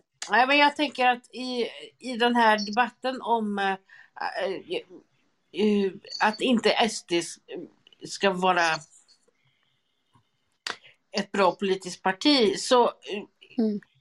i, i debatter och så här så, så ger man sig på dem väldigt hårt. Mm. Mm. Och jag tror att den hårda jargongen smittar av sig Mm. eh, på allting annat också. För att om en politiker kan stå och ge sig på någon som eh, kanske många då ser upp till, Mm. eh, som till exempel SD, så eh, då blir det legitimt på något sätt. Alltså att om man bara Du tänker backar- att man, eh, man, gör, man gör eh, en otjänst genom att man eh, använder hårda ord mot SD, eller hur? Ja, man gör alltså man binder ris för egen rygg nästan. Eh, Mm. För att, eh, och, och jag menar inte att, att man inte ska kritisera SD. För att alla Mm. har, vi lever i en demokrati så alla har rätt till sina egna åsikter. Men jag Mm. tror att den här hårda jargongen som man har i sitt motstånd mot SD, den eh, legitimerar en sämre diskussion eh, på gatorna. Mm. Mm. Så Alltså jag kan hålla vara. med dig på ett sätt, även om jag tycker att eh, SD är snarare de som har en hård jargong mot exempelvis invandrare, eh, människor från förorten Ja. och så vidare. Och inte bara SD, även Moderaterna har ju, eh, det var det inte nyligen det var någon artikel där man sa att eh, merparten av Moderaternas styrelse har till exempel gått över till SD och så vidare. Och jag Mm. känner snarare att den hårda jargongen kommer ju ifrån högerpartierna mot, mot ja, invandrare, människor i förorterna, människor som, eh, som på olika sätt har det svårt. Ja, absolut. Och jag, jag förstår precis vad du... Och jag säger inte emot dig, men, men när vi pratar om strukturer Mm. och politiker så, så har vi ett problem i just det meningsutbytet. Jag skulle nog säga, eller vad jag tycker i alla fall, för det första SD eh, har ju, alltså de kommer ju från våld. Det, Mm. det är deras rötter. Deras rötter är Precis. våld på olika Mm. sätt. Ja. Så att de sen råkar ut för våld och sitter där och tycker, så här, rider lite på det och kollar vad synd det är med oss. De vet Mm. exakt vad de sysslar med. Mm. Ja, För det första. men men för det andra så tror jag så här att det vi har förlorat på i den svenska debatten, det är att de andra partierna innan SD har varit väldigt rädda att diskutera vissa saker. Mm. Då har de bara sopat under mattan. Ja. För, och då Men- kommer men sådana min- partier som SD och får en massa, Ja, massa min- röster. Min Mm. reflektion handlar inte om liksom, vad poli- politiken innehåller utan jag Nej. mer reflekterar över hur vi beter oss mot varandra. Att vårt beteende Ja. öppnar upp för, för fe, fel... eh, Jo, jag fattar. Men då, då, då är det ju mot ett parti som faktiskt, som Aisha säger, sitter och eh, tycker att skicka hem dem och eh, alltså de, de kommer ju från våld. Så Mm. de, om, de, om de får tillbaks våld så är det ju så det är. Mm. Ja, jo, och det... Jag diskuterar... Hade alltså, de inte varit sådär hade de inte fått det heller. Men jag kan, jag kan, se, jag kan se att det, det har förändrats väldigt mycket genom Mm. att vi har en sån vi har en sån struktur bland, eh, i kommunikationen mellan våra politiker och där förlorar de eh, lite sin kraft också. Mm. Eh, för att eh, Ja. man kommer ingenstans med att gapa och skrika utan ett sunt resonemang tror jag är det viktigaste och det är då man når resultat. Jag håller Mm. helt och hållet med dig i, i det. Eh, man kommer inte alls långt genom att gapa och skrika på människor eller, eh, eh, eller så. Eh, men det tråkiga är ju att SD är inte som andra partier och det går inte att resonera med dem. Eh, precis Nej. som Marita säger så har ju de rötter i våld. De har Ja. rötter i att förtrycka andra människor och vägra hat. andra människor sina ex- existentiella rättigheter. Och på det sättet så gör det att så som man skulle kunna resonera med en annan vettig människa eller alltså så här, eh, vilken gemene hen som helst kan man inte göra med SD. För att de är inte ett parti som, som det går att resonera med. De är inte ett parti som vill resoneras med. De har ett syfte och enbart ett syfte och det är att förvägra människor som inte passar enligt deras normer och standard att förvägra dem deras rättigheter som människor. Det är det enda som SD har ett intresse i. Sen tyvärr så får de hjälp utav media. De får hjälp utav eh, andra, eh, andra partier som inte vågar stå fast i sin ideologi. Att faktiskt se till och säga att nej, det här är inte okej. Ni är inte ett parti som andra partier. Ni är inte människor som faktiskt vill, vill Det se... bästa för Sverige. Ja, Nej, för att det bästa för Sverige är inte exempelvis deras, eh, eh, det de verkligen brinner för, de här SD-arna. Eh, att eh, skicka, hem, skicka hem dem, skicka hem allihopa. Det finns statistik och fakta på att Sverige blev bättre med invandringen. Absolut. Sverige behöver invandringen för att ens en gång kunna fungera. Och då menar jag verkligen bara grundnivå. Ja. Så Absolut. Det, jag skriver under på det och jag, jag har helt eh, jag delar helt era åsikter. Jag vill bara komma åt vad det är för strukturer vi måste förändra Mm. för att eh, vi ska kunna nå eh, en lösning på det här gatuvåldet. mm. ja, Ja, Och det, med. det är en fruktansvärd historia du berättar Marita. Och jag önskar ju att det, aldrig hade hänt. mm. Ja, tack. Jag med.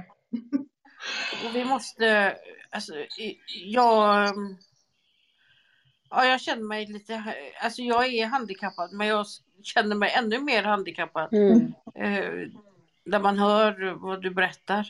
Mm.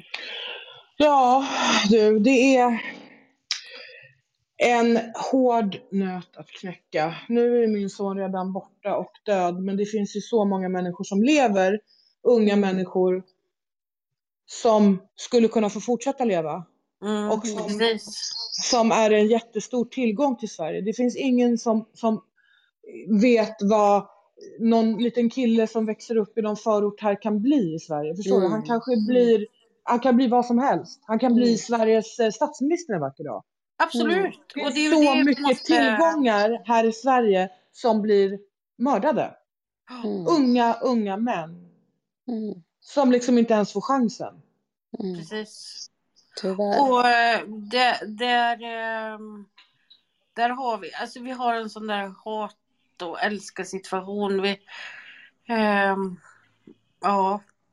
Men man, alltså eh, en, vanlig, en vanlig människa som jag, jag måste kanske vara mer närvarande i de här i den här världen där um, sådana här strukturer um, växer sig starka då. Absolut, det tror jag definitivt. Jag tror att det krävs att vi alla är det. Det tror jag. Ja, Mm. och det är ju egentligen ett budskap som borde ja, nå fram till alla. Att inte gömma sig för våldet och inte vara rädd utan att man eh, kliver upp och eh, engagerar sig. Mm. Ja, precis. Verkligen. Och där är ju du eh, jätteviktig Marita. Mm. Eh, Som kan berätta din historia och som vill berätta den. För att utan den så förstår vi, alltså man kan ju aldrig förstå hur det är att uppleva det du har upplevt men man, eh, man behöver veta. Ja, Mm. Mm. så är det. Det är, ja jag vet inte, det har varit eh, väldigt fint. Eh, om en eh, stundvis svårt eh, och känslomässigt eh, att ha det här samtalet med dig Marita. Men eh,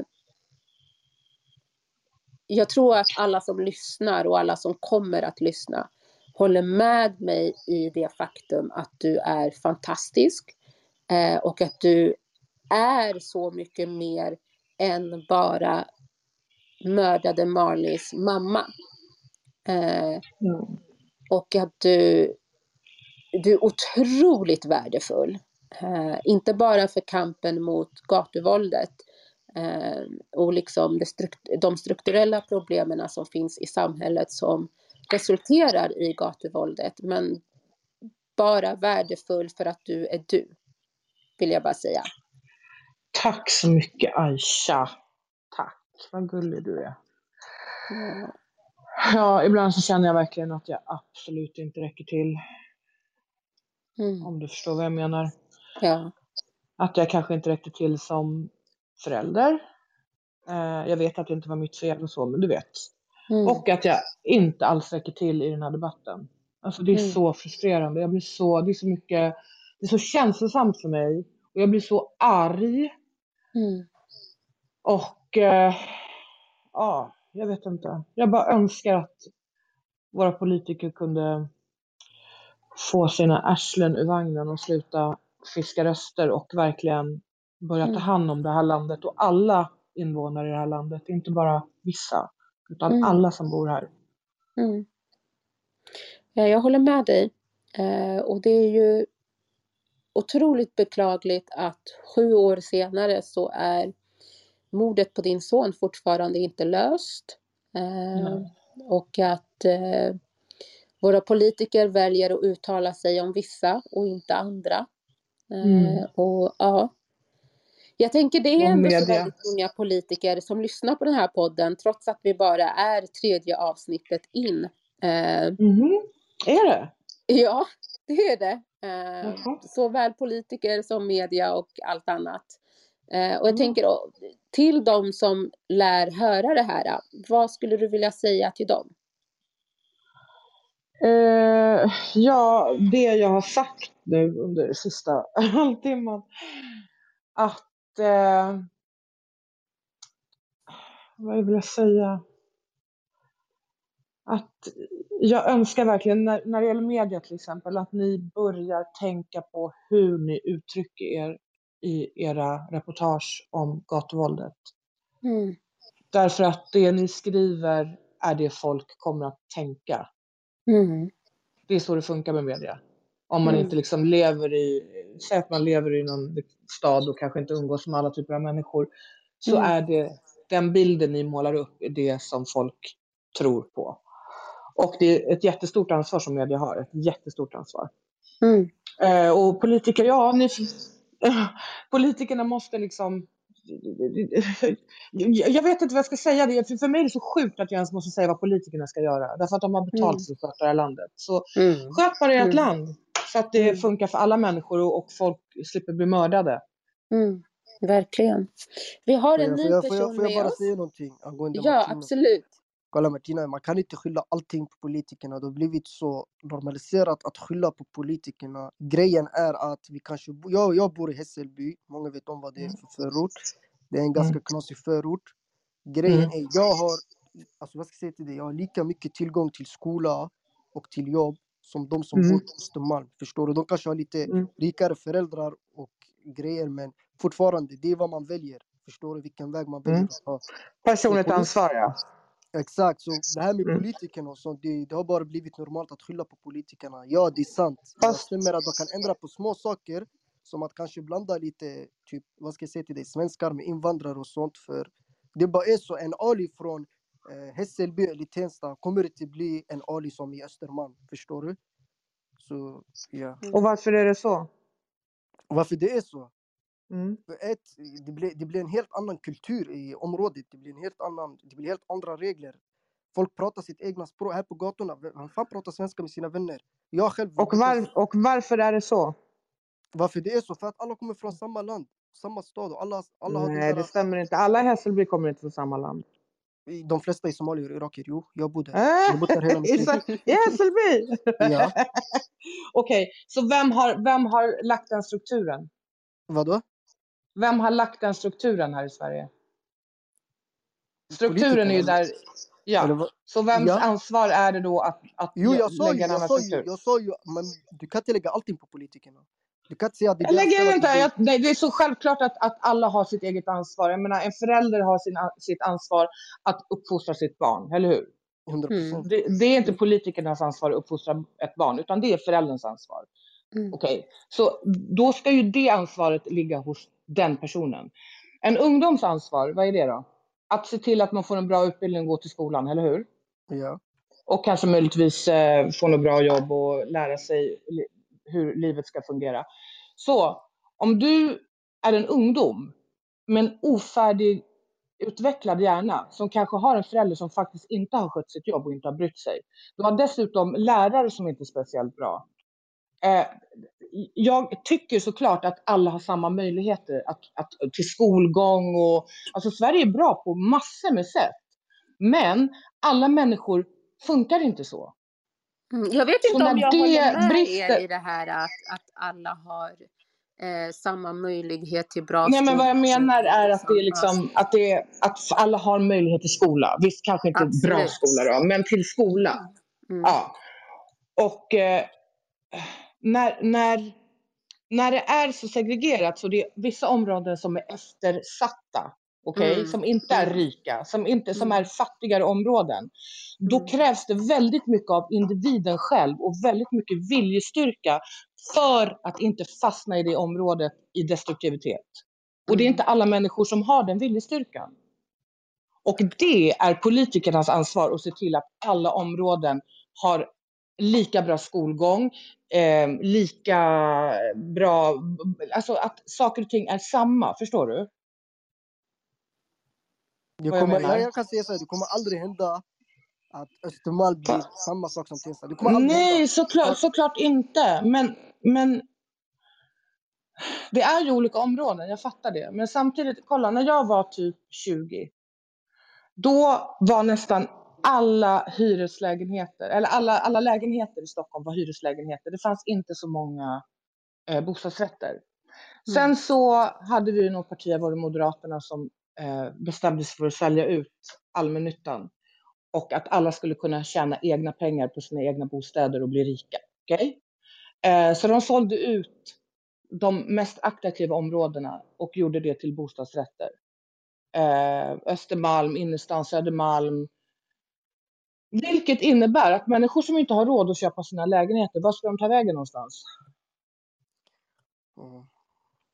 De, de är anpassade, de är hänvisade till att, att bo där de kan hyra en lägenhet. Mm. Exakt, och vart ligger Så, det? så när, ja, men så när jag var ung, när man ställde sig i bostadskön, då kunde du få lika lätt som du fick en lägenhet i Rinkeby, fick du en lägenhet på Södermalm. Det var ingen skillnad.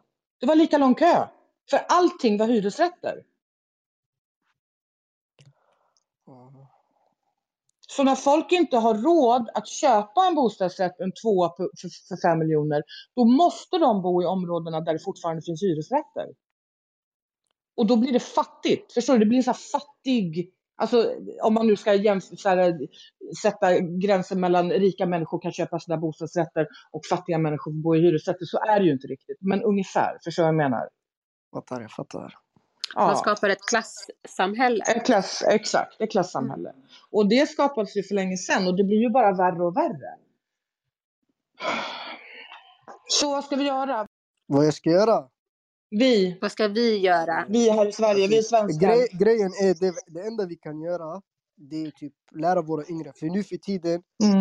Det finns fucking, alltså skämt åsido, jag har sett med mina egna ögon. Det finns 14-åringar som går ut med knivar, okej? Mm. Mm. Knivar och skjut, alltså skjutvapen, fattar du? Och det där, Mm. det där är bara up. Förut när jag var, nu är jag inte så gammal, jag är bara 23, men i alla fall när jag var typ 14, 15, då var det att man Typ, vi var 20 stycken killar, vi alla stod runt omkring och två personer bråkade.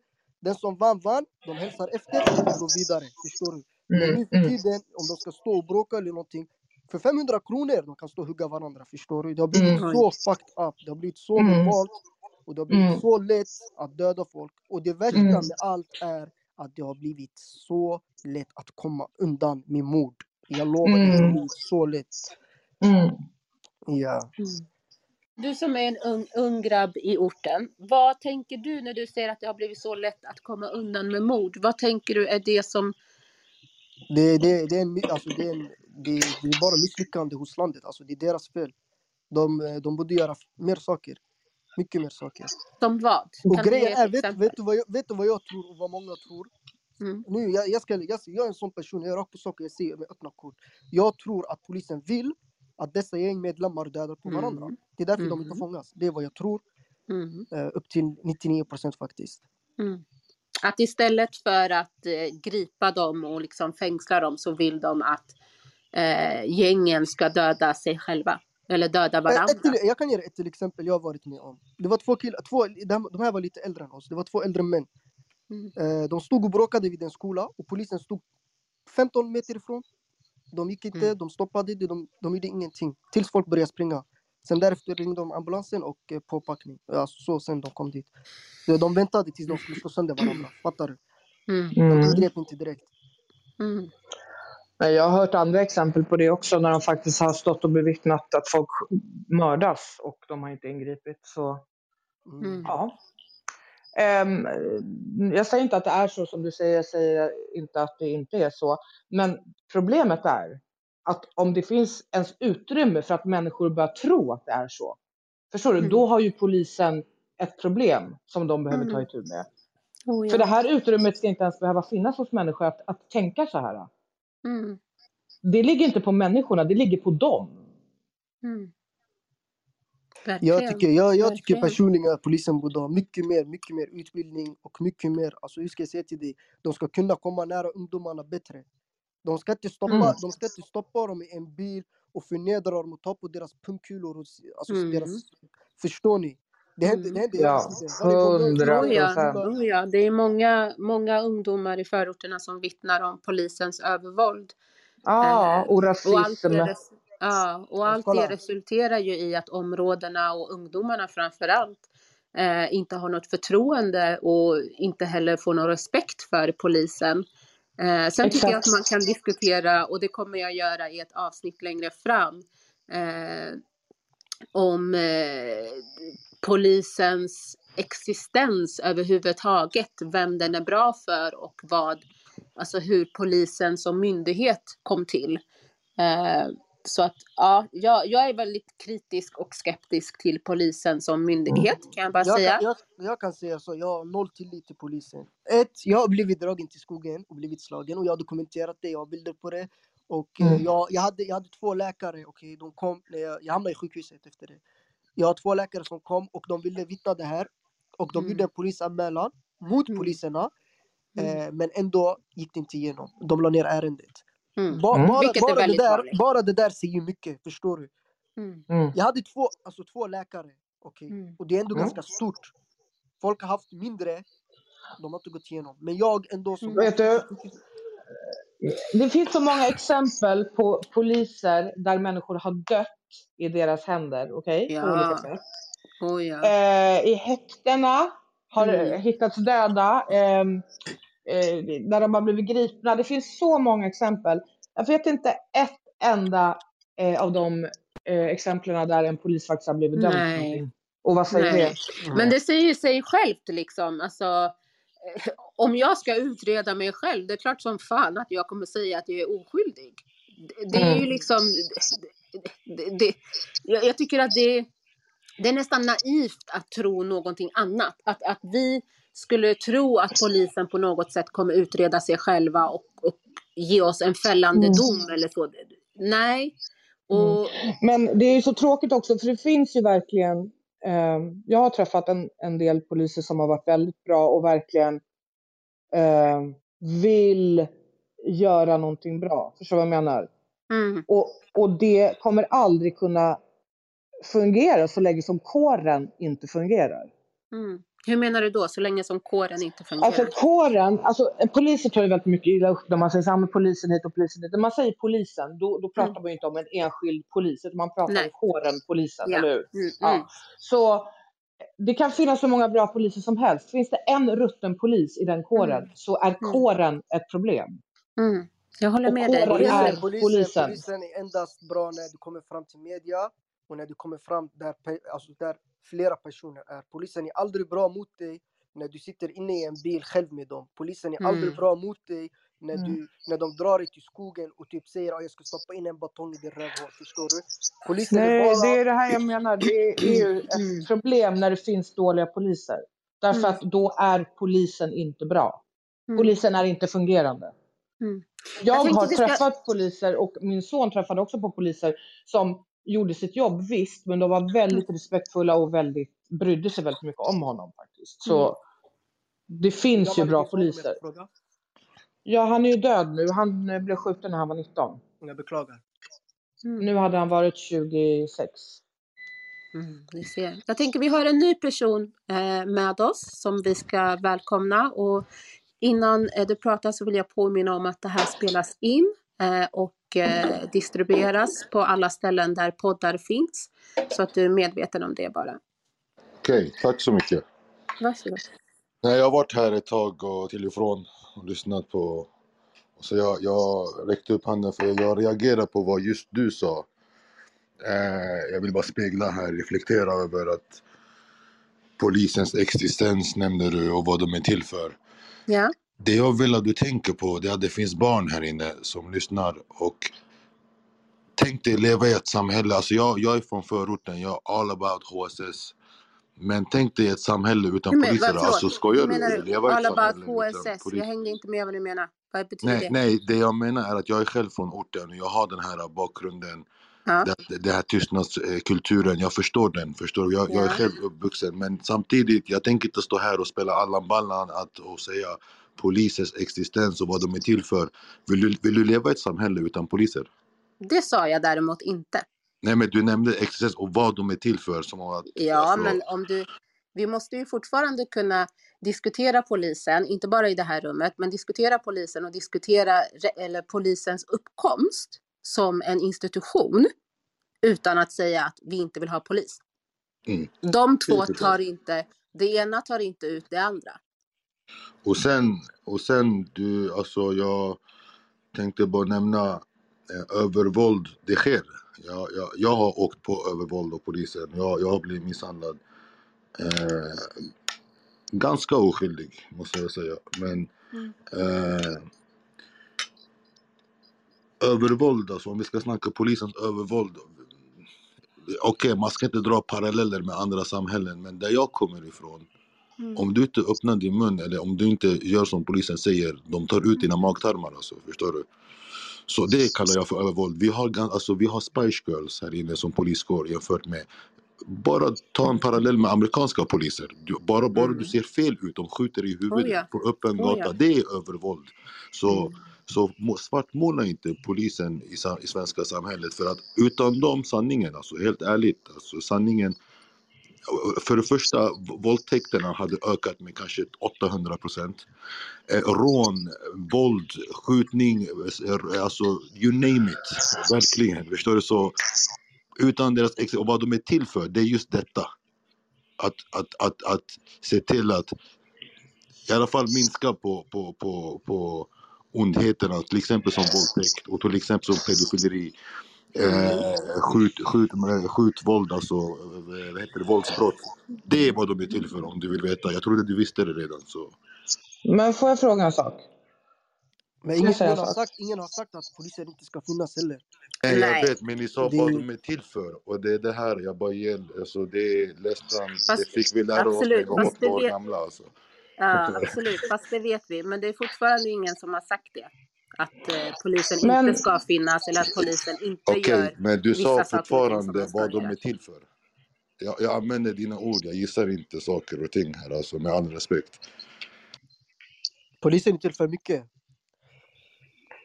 Ja, Marita, du höll på att säga någonting. Jo, vad jag ville säga var att eh, det är väl klart att svenska polisen är mildare än i vissa andra länder. Men jag tycker inte heller att det ska vara ehm, typ så här, ja, men då kan våran polis få bete sig som fitter bara för att det är värre någon annanstans. Mm. Vad jag menar? Man måste ju ändå kunna ställa krav på den polisen man har i det landet man bor. Absolut, och jag vet, jag sa till dig själv, jag har själv blivit utsatt för Ja. övervåld. För, Eh, för, och jag vet och att det sker. Men eh, Mm. det är fortfarande en väldigt viktig existens. Och, och, Ja, och och jag- vad, vad som- de är till för, det vet vi redan, som, redan som åtta som år jag sa, det, det, finns, det finns jättebra poliser. Men, men, Absolut. men det måste... Alltså det som, det som händer i ett samhälle när det finns så många dåliga poliser också och som speciellt inriktar sig på eh, folk från förorten och så som beter sig annorlunda. Om min mamma som bor i Trosa skulle ringa en polis, hon skulle aldrig få samma bemötande som en ung kille eller kanske till och med en kvinna från förorten. Förstår du vad jag menar? De skulle vara så trevliga mot henne. Och det är ett problem. Varför, varför är de olika från, för olika människor? Och det Jag skapar det, ju också hör det, att men- människor men inte litar på dem. Och det skapar ett parallellt samhälle. Och det är polisens ansvar att se till att det inte är så. Det är inte vårt ansvar. Det är Det, deras. det, kolla, alltså jag, jag- hör vad du säger, men, men Ja. eh, det jag bara vill lyfta fram, det, om vi ska sna- snacka individnivå, det blir väldigt svårt. Den här polisen är bra, han är inte bra, den är bra, den är inte bra. Men i det hela utsträckningen, den stora utsträckningen, det jag menar är att det är samma sak som att säga alla invandrarna på förorterna, de är kriminella. Det, det, det, det är nästan, vi vet att det finns kriminella, men vi vet att de, den, den större delen av befolkningen är inte kriminella. Mm. Och samma sak är med poliskåren, sanningen alltså. Det är, Absolut, Jag är jag själv tror- på orten alltså. Jag, är själv på, jag, jag har också åkt på övervåld, jag har hållit på med kriminalitet. Mm. Jag, Men det är ingen här här, som har sagt there, att majoriteten Så- av poliserna inte är bra. skitsamma, om jag inte får prata till punkt, jag kan lika gärna gå ner alltså. Det, det är lugnt.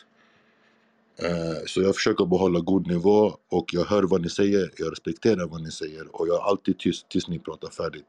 Så det jag menar är att det finns barn här inne och eh, i alla fall unga människor här inne som själva är vilsna, som själva inte ser sin plats i samhället och ni ältar på det här äh, genom bara att säga polisens existens, hur kom de ens till och vad är de är till för?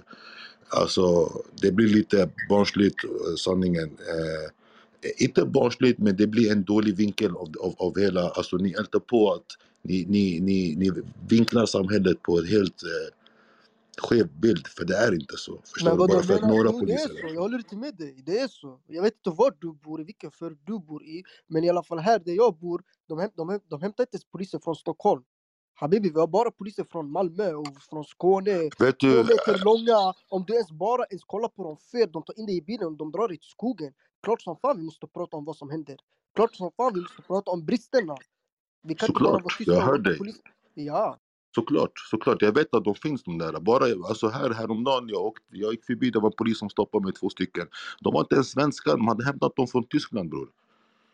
Och då, han blev arg för att jag inte kunde engelska. Jag kan, jag kan engelska, men varför ska jag förstå? Han var arg för att jag inte kunde engelska. Han var skitkaxig. Jag vet att de finns bror.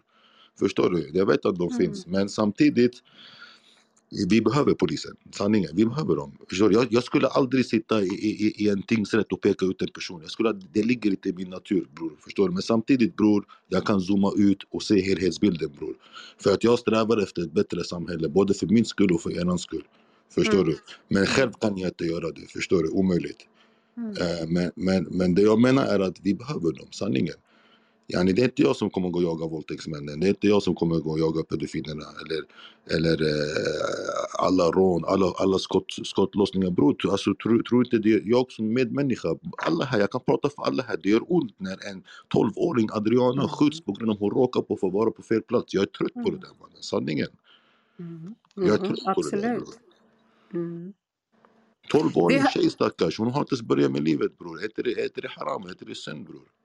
100 procent. Visst, självklart, Jag- jag det finns brister i det polishuset, Henke. det finns mycket korruption, det finns, förstår du? Men samtidigt, det hjälper inte när man säger, alltså förstår du? För att sanningen är, det, det är svårt att veta hur många som är bra, hur många. Jag har träffat på skitmånga bra poliser, jag är ärlig. Jag har också träffat på up poliser.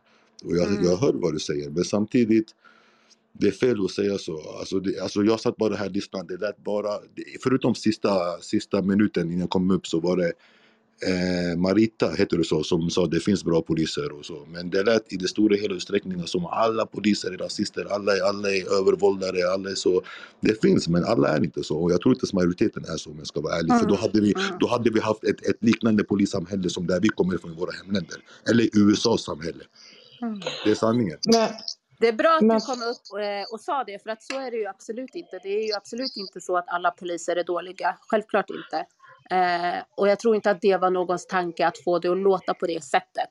Men, Nej, jag vet, men det lät så, därför jag kom Absolut. upp. Så bara för att ge Ja. en annan bild om diskussionen. Ja, och det är jättebra. Och det är precis vad som, eller i alla fall vad mina rum är till för, att man ska kunna diskutera och nyansera saker och ting. Så det är jättebra att du kommer upp och eh, checkar oss och säger liksom det du tycker och tänker.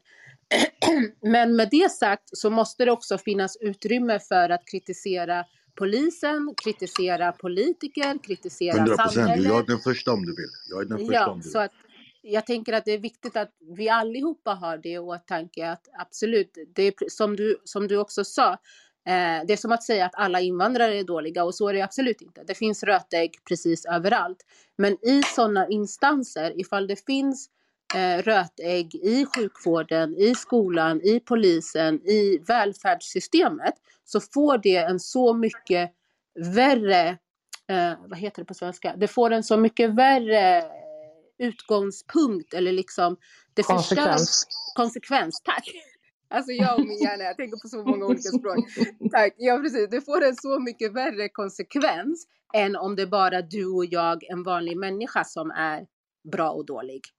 Så att vi måste också ta med oss det att vi måste vilja bättre för varandra i samhället som ett kollektiv. Och då måste vi kräva mer utav de som sitter på, på makten. Det är det, det, det, det, det, det, det, vet du vad jag skulle kunna skriva under på? Det är, det Mm. politikerna som samlar en hel bunt skitstövlar till poliser och skickar dem till orten. Absolut. Det kan, jag, det kan jag tänka mig. Men att alla poliser är, är rasister och övervåldare, det köper jag Mm. inte. Men Fast att det de, var ingen samlar, att, de det. samlar, Jag har inte hört att de samlar alla cowboys och skickar till ett visst Mm. område, det kan jag köpa faktiskt. Mm, mm. Men ingen sa att alla poliser är dåliga. Ingen sa att alla politiker är dåliga. Ingen sa att alla någonting är dåliga. Nej jag vet, jag vet men det lät så och jag ville bara ge en, komma in bara för att ge en bättre diskussion förstår du så att Mm. det inte bara blir ensidigt. För annars jag håller med alltså, alltså kolla jag, jag är all about förorten alltså förstår du. Jag, Mm. jag har mina kulturer, de, är, de ligger i min ryggmärg. Förstår du? Så, så, men samtidigt, jag, jag, jag, jag är 32 år gammal. Jag har sett samhället på många olika sätt, från många olika Mm. Eh, så jag ville bara komma upp för att ge en bild som jag anser det här ser ut, Ja. min verklighet, förstår du? Eh, och sen hör jag, vad jag, hör jag vad ni säger, jag bekräftar det ni säger, jag vet Mm. att det finns fakta. Jag har åkt på Mm. övervåld själv. Bara idag jag vet några vänner till mig åkte på övervåld, helt, helt oskyldiga. Förstår du? Mm. Jag vet, jag vet Mm. att det sker. Men Mm. Jag, jag skriver under i alla fall att det är, poli- det är Mm. mest politikernas fel. För det är Mm. de som samlar ihop alla de här skitstövlarna till cowboys och, skickar dem, och skickar dem på oss istället för att jaga pedofiler och våldtäktsmän. Mm. Får jag fråga dig en sak eh, medan du ändå är här uppe och, och säger att du också har upplevt övervåld och så. Vad gör det med dig som människa när sånt händer? Hur menar du? Jag tänker att... Eh, Eh, jag, eh, jag tar ett exempel. Eh, när jag blev misshandlad utav eh, väktaren när jag stoppade ett bråk en gång. Eh, och för mig kändes det otroligt förnedrande. Eh, och det gav mig, inte ett förakt, men under, under ett tag, precis när det hade hänt, så varje gång jag såg en väktare så liksom rös det till i kroppen och jag kände ett stort obehag. Ja, jo det är klart alltså. Jag, jag har blivit avklädd naken mitt i en vinter. Subhanallah. Förstår Mm. du? Så, så jag, det är klart man blir förnedrad, fattar du? Alltså man blir ju, man blir ju förnedrad fast jag blir arg på honom själv, förstår du? Alltså jag, jag, jag, då jag svär åt han och alla hans kollegor och så där. Det är klart, det är klart. Mm. Förstår du? Mm. Men jag kan inte gå dagen efter och sen kommer fram en trevlig polis som bara liksom vill hälsa på min lillebror eller någonting, eller något barn. Jag kan inte säga till han din jävla fucking rasist eller din jävla övervakare, din jävla... Mm, mm. Förstår du? Så Mm. länge han inte gör någonting mot mig eller anklagar mig för någonting oskyldigt och så här. Förstår? Och så är det med alla människor. Om du kommer nu till mig trevlig, jag är trevlig mot dig. Mm. Om du kommer till Mm. mig och försöker trycka ner mig, jag kommer, jag kommer, jag kommer bli, känna mig förnedrad. Förstår du? Mm. Okej, Så det tack, finns tack. typer av allt alltså. Där. Tack, vad tycker Ja. du om att poliserna, de poliserna som till exempel misshandlar de ungdomarna eller typ de som strippar dig naken och sånt. Vad tycker du om att de kommer undan? Alltså de kan göra Ja, det, det är, ja, bror, ja, då vi går en helt annan femma och det tycker jag, det, det där, där lägger jag också på politikerna bror, förstår du? För det, för det där grunden, det, det där det, det kommer ifrån, fattar du? Det, Mm. det är sanningen, alltså jag tror själva, alltså, för hela det här miljonprogrammet är misslyckat och de vill, ta, de vill inte ta på sig ansvaret, fattar du? Så Mm. de vill skylla det på dem, det är dem, kolla hur de är, kolla hur de beter sig, förstår du? Det, är- det är ett misslyckat program mannen. Så, så allt det här Mm. som sker nu, det har varit planerat sedan 20 år tillbaka, det är inget nytt för dem bror. Mm. Allt det här Hundra strategi procent. för att hålla dem undan. Hundra procent.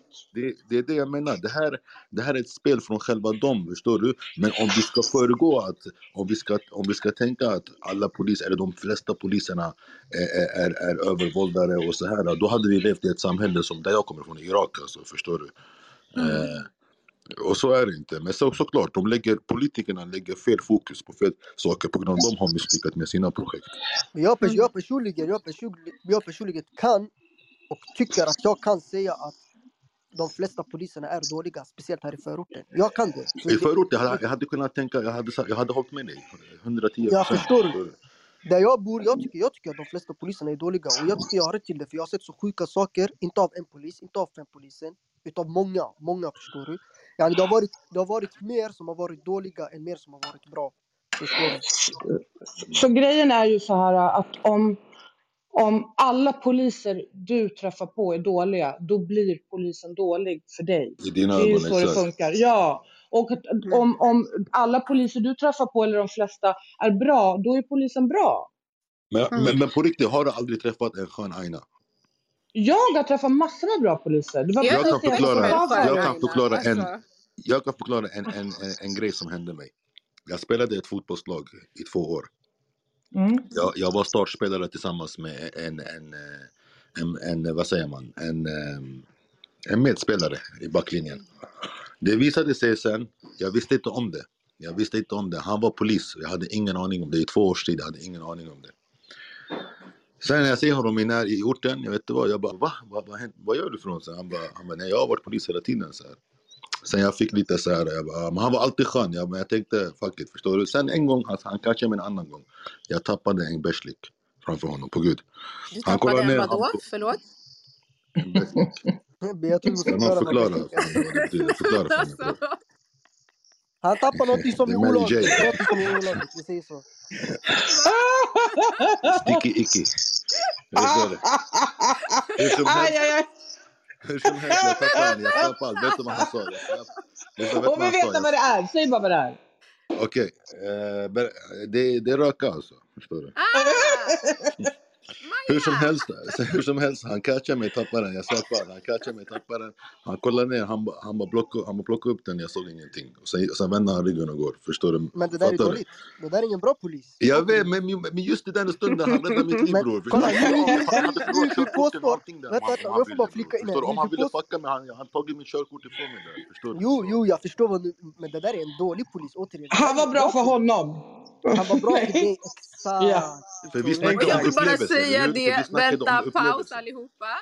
Vi promotar inte droger i den här podden, utan vi återger en Nej, nej, jag var väldigt ung alltså. Jag, det, det här var väldigt ung. Jag ung. Nej, det är bara Men jag som helt ärligt. min disclaimer. Helt Jag är ärligt, 32 en, år idag. Det en här var länge sedan. Alltså. Mm. som att 32-åring inte kan röka. Jag vill bara säga en sak. Ett, ett, ett, en grej som jag faktiskt har sett, det är att det finns många poliser som faktiskt har, har utbildat sig till poliser för att de vill För att använda göra våld, någonting exakt. bra. Nej, nej, nej. Jo, för att de också. vill Det göra någonting bra. Ja, ja, men nu pratar, jag, nu pratar jag om poliser som jag har träffat på som faktiskt mår dåligt av att de här morden sker, att de inte känner. Jag vet poliser Ja. som vill lösa mord, men de kan inte. Förstår du? Inte bara det, det, går alltså, inte. Det det, är liksom... finns otroligt många, alltså absolut, det finns otroligt många poliser som har blivit poliser för att de faktiskt vill förbättra samhället. Ja, som Men är det av rätt anledning. 100 Ja, procent. olika och sen så finns det poliser som, som är där av fel anledning. Men problemet som jag sa är att i en kår där, Mm. där det är polisen som kår, det kan inte finnas massa dåliga poliser. Därför att det förstör för alla bra poliser också. Och det behöver de i kåren ta itu med och lösa. Mm. Det är politikerna, de samlar alla, de träffar poliserna. Ja, det är deras chefer. Förstår Det du? är Men deras alla poliser chefer, är inte ja. Det är sanningen. Det finns, det Nej, finns nej, nej, jag håller med. respekt. Jag lovar dig. Eh, som sagt, jag pratade om mig själv när jag var yngre, jag höll på mycket med bus. Det var också en annan po- polis som skulle komma eh, ta mig på förhör. Av respekt till min mamma, han ville inte gå in. Han sa bara kom ut så, vill, så vill det bättre, så jag inte kommer in. Förstår du? Det finns poliser, de skiter i, de skiter i om din mamma har sjal eller inte. De kommer bara in. Men han kände till mig, förstår du? För de var närpoliser, de kände, de var alltid där och de vet vem alla var. Så han vet jag är muslim och mamma har, eller, eh, vi har kvinnor och så. så av respekt för det, han är inte ens från den kulturen, men han förstår den kulturen och respekterade det. Det finns sådana här bra, respektfulla poliser, men samtidigt det finns de som missbrukar sin makt och det finns de som är utbildade för att använda våld, förstår du? Så Mm. Mm. Ja, Så är eh, det. det här blir ett långt poddavsnitt. Vi är- Jättelångt. Eh, det var ändå en väldigt, väldigt bra diskussion eh, som jag tycker behöver få ta plats. Eh, men eh, ja, jag tror att Mm. vi behöver avrunda. Ni är jättevälkomna ska jag säga. Ja, Tack för Eh, att Ja, tack själv. Alltså jag tycker att ni Ja, tack. berikade samtalet otroligt mycket, så tack till er. Eh, men jag tänker att vi ska ge Marita möjligheten att bara avrunda eh, några minuter. Och eh, ja, I got to go, så Marita. Ja, jag eh, behöver inte några minuter till att avrunda, men jag ville bara säga tack såklart för att jag fick vara gäst här och eh, för att ni lyssnade på min sons eh, historia och Mm därmed även min. Um, och jag hoppas att Uh, vad jag öns skulle önska är att flera människor organiserade sig lite, för det är så spretigt och många olika organisationer som tycker egentligen samma sak och människor också som tycker samma sak. Men, men människor behöver organisera sig och bli flera för att en förändring ska ske. Och det är svårt att få ihop det, men jag eh, vet inte själv hur man gör, helt ärligt. Men det är vad vi skulle behöva i Sverige, Mm. tror jag. Att många människor går ihop för att vi vill ha en förändring. Mm. Håller helt med. vi kan inte fortsätta ha det så här som det är nu, när människor skjuts hela tiden. Det, det går liksom inte. Mm. Det ligger mer på politikerna om jag ska vara ärlig. Det Ja, ligger jo, jag, jag håller med. Jag har ju, det är exakt det jag har sagt hela tiden, att det är Mm. politikernas ansvar. Men hur ska vi få dem att förstå det om vi inte organiserar oss och blir flera Ja, och många och starkare? Ja. Mm. För de lyssnar inte bara på mig, de lyssnar inte bara på dig. Det är så här, en person tycker si, en person tycker så. Men när vi är flera hundratusen, då kommer de lyssna. Jag håller med dig 100 procent. Mm. Så mer organisering så att vi kan eh, kräva att politikerna gör det, det de ska helt enkelt. Ehm, Mm. De flesta vill sköta sig ute i förorten. Alltså 90 procent av familjerna i Hund- förort, de vill, sköta, de ja, vill ja, ha ett bra liv. Förstår du? Ja. Så det är politikerna som lägger sina värsta cowboys, de lägger sina sämsta resurser, de lägger sig, det, förstår du? De, de prioriteras media- bort. Media De- vinklar förorten Media till vinklar, bara problem. Så det kommer Ja. därifrån, förstår du? Mm. Att det finns bra Mm. poliser, självklart, jag tror alla här håller med, förstår du? Mm. Sen att det finns Mm. poliser, alla här håller med också. Men Mm. polit, politikerna bär det största ansvaret. Mm. 100%. Verkligen, det tror jag vi allihopa skriver under på. Så att, ja. Eh, Ja. Jag tänker att det får avsluta eh, dagens samtal och eh, vi avslutar det med en uppmaning till alla politiker som jag vet kommer lyssna på det här och andra samtal. Det är dags för er att faktiskt göra ert jobb och det som ni är eh, folkvalda för att göra. Kommer, kommer det här, Och bli diskutera, podd och eller? diskutera med oss. Snälla. Kommer det här bli en podd får jag fråga? Eh, ja, det här är eh, en del utav eh, en ny podd med mig. Eh, där jag pratar med olika människor. Eh, allt ifrån politiker till eh, civilsamhället. Eh, Men kommer det läggas upp på någon, alltså någon plattform eller? Jag förstår inte. Ja, eh, podden ligger på Spotify, Eh, Acast. Får jag bara hälsa, får jag bara ge en hälsning till min mamma? Absolut. Mamma, eh, tack att du finns, jag älskar dig. Eh, vi ses snart. Eh, ja, vi sätter punkt här. Vad fint. Åh, vad gullig du är. Ja. Du får byta namn till Eller Love, Loveboy. Ah, Ta boy, bort shit dina mannen, tugg. ni gjorde mig till en ny klass mannen. Grabbarna är här nere och lyssnar, skäms ni inte? Jag Grabbar lovar er, varje tugg Byt ditt namn. Han får byta namn till, till vad heter det, Eh, grabbar, de gjorde mig till mjukglass de här. Ja, Till och med en thug kan bli en Bumbibjörn i det här samtalet. Nej, nej, jag nekar till alla anklagelser. Vad fint. Nope. Jättefint. Jätte, jättefint. Ja, verkligen. Och ja. KSS. eh, Ja, i- vad betyder det ens? Vad är det förkortning för? Vadå? Hör inget, ser inget, ser- inget, ser inget, säg säg inget. Ja. Okej, okej, okej. Okej. att behöva avsluta, men jag lämnar till er som lyssnar att starta ett eftersnacksrum och jag kommer jättegärna in där om en liten, liten stund. Jag behöver bara avsluta en deadline och sen alltså let's keep the conversation going. Eh, och tack så jättemycket allihopa som har lyssnat. Eh, tack Marita, tack till er två också som har varit med här och nyanserat samtalet. Tack, tack, tack, tack, tack. A bitch guts to go, så uh, hej då! Hej då allihopa! Hej.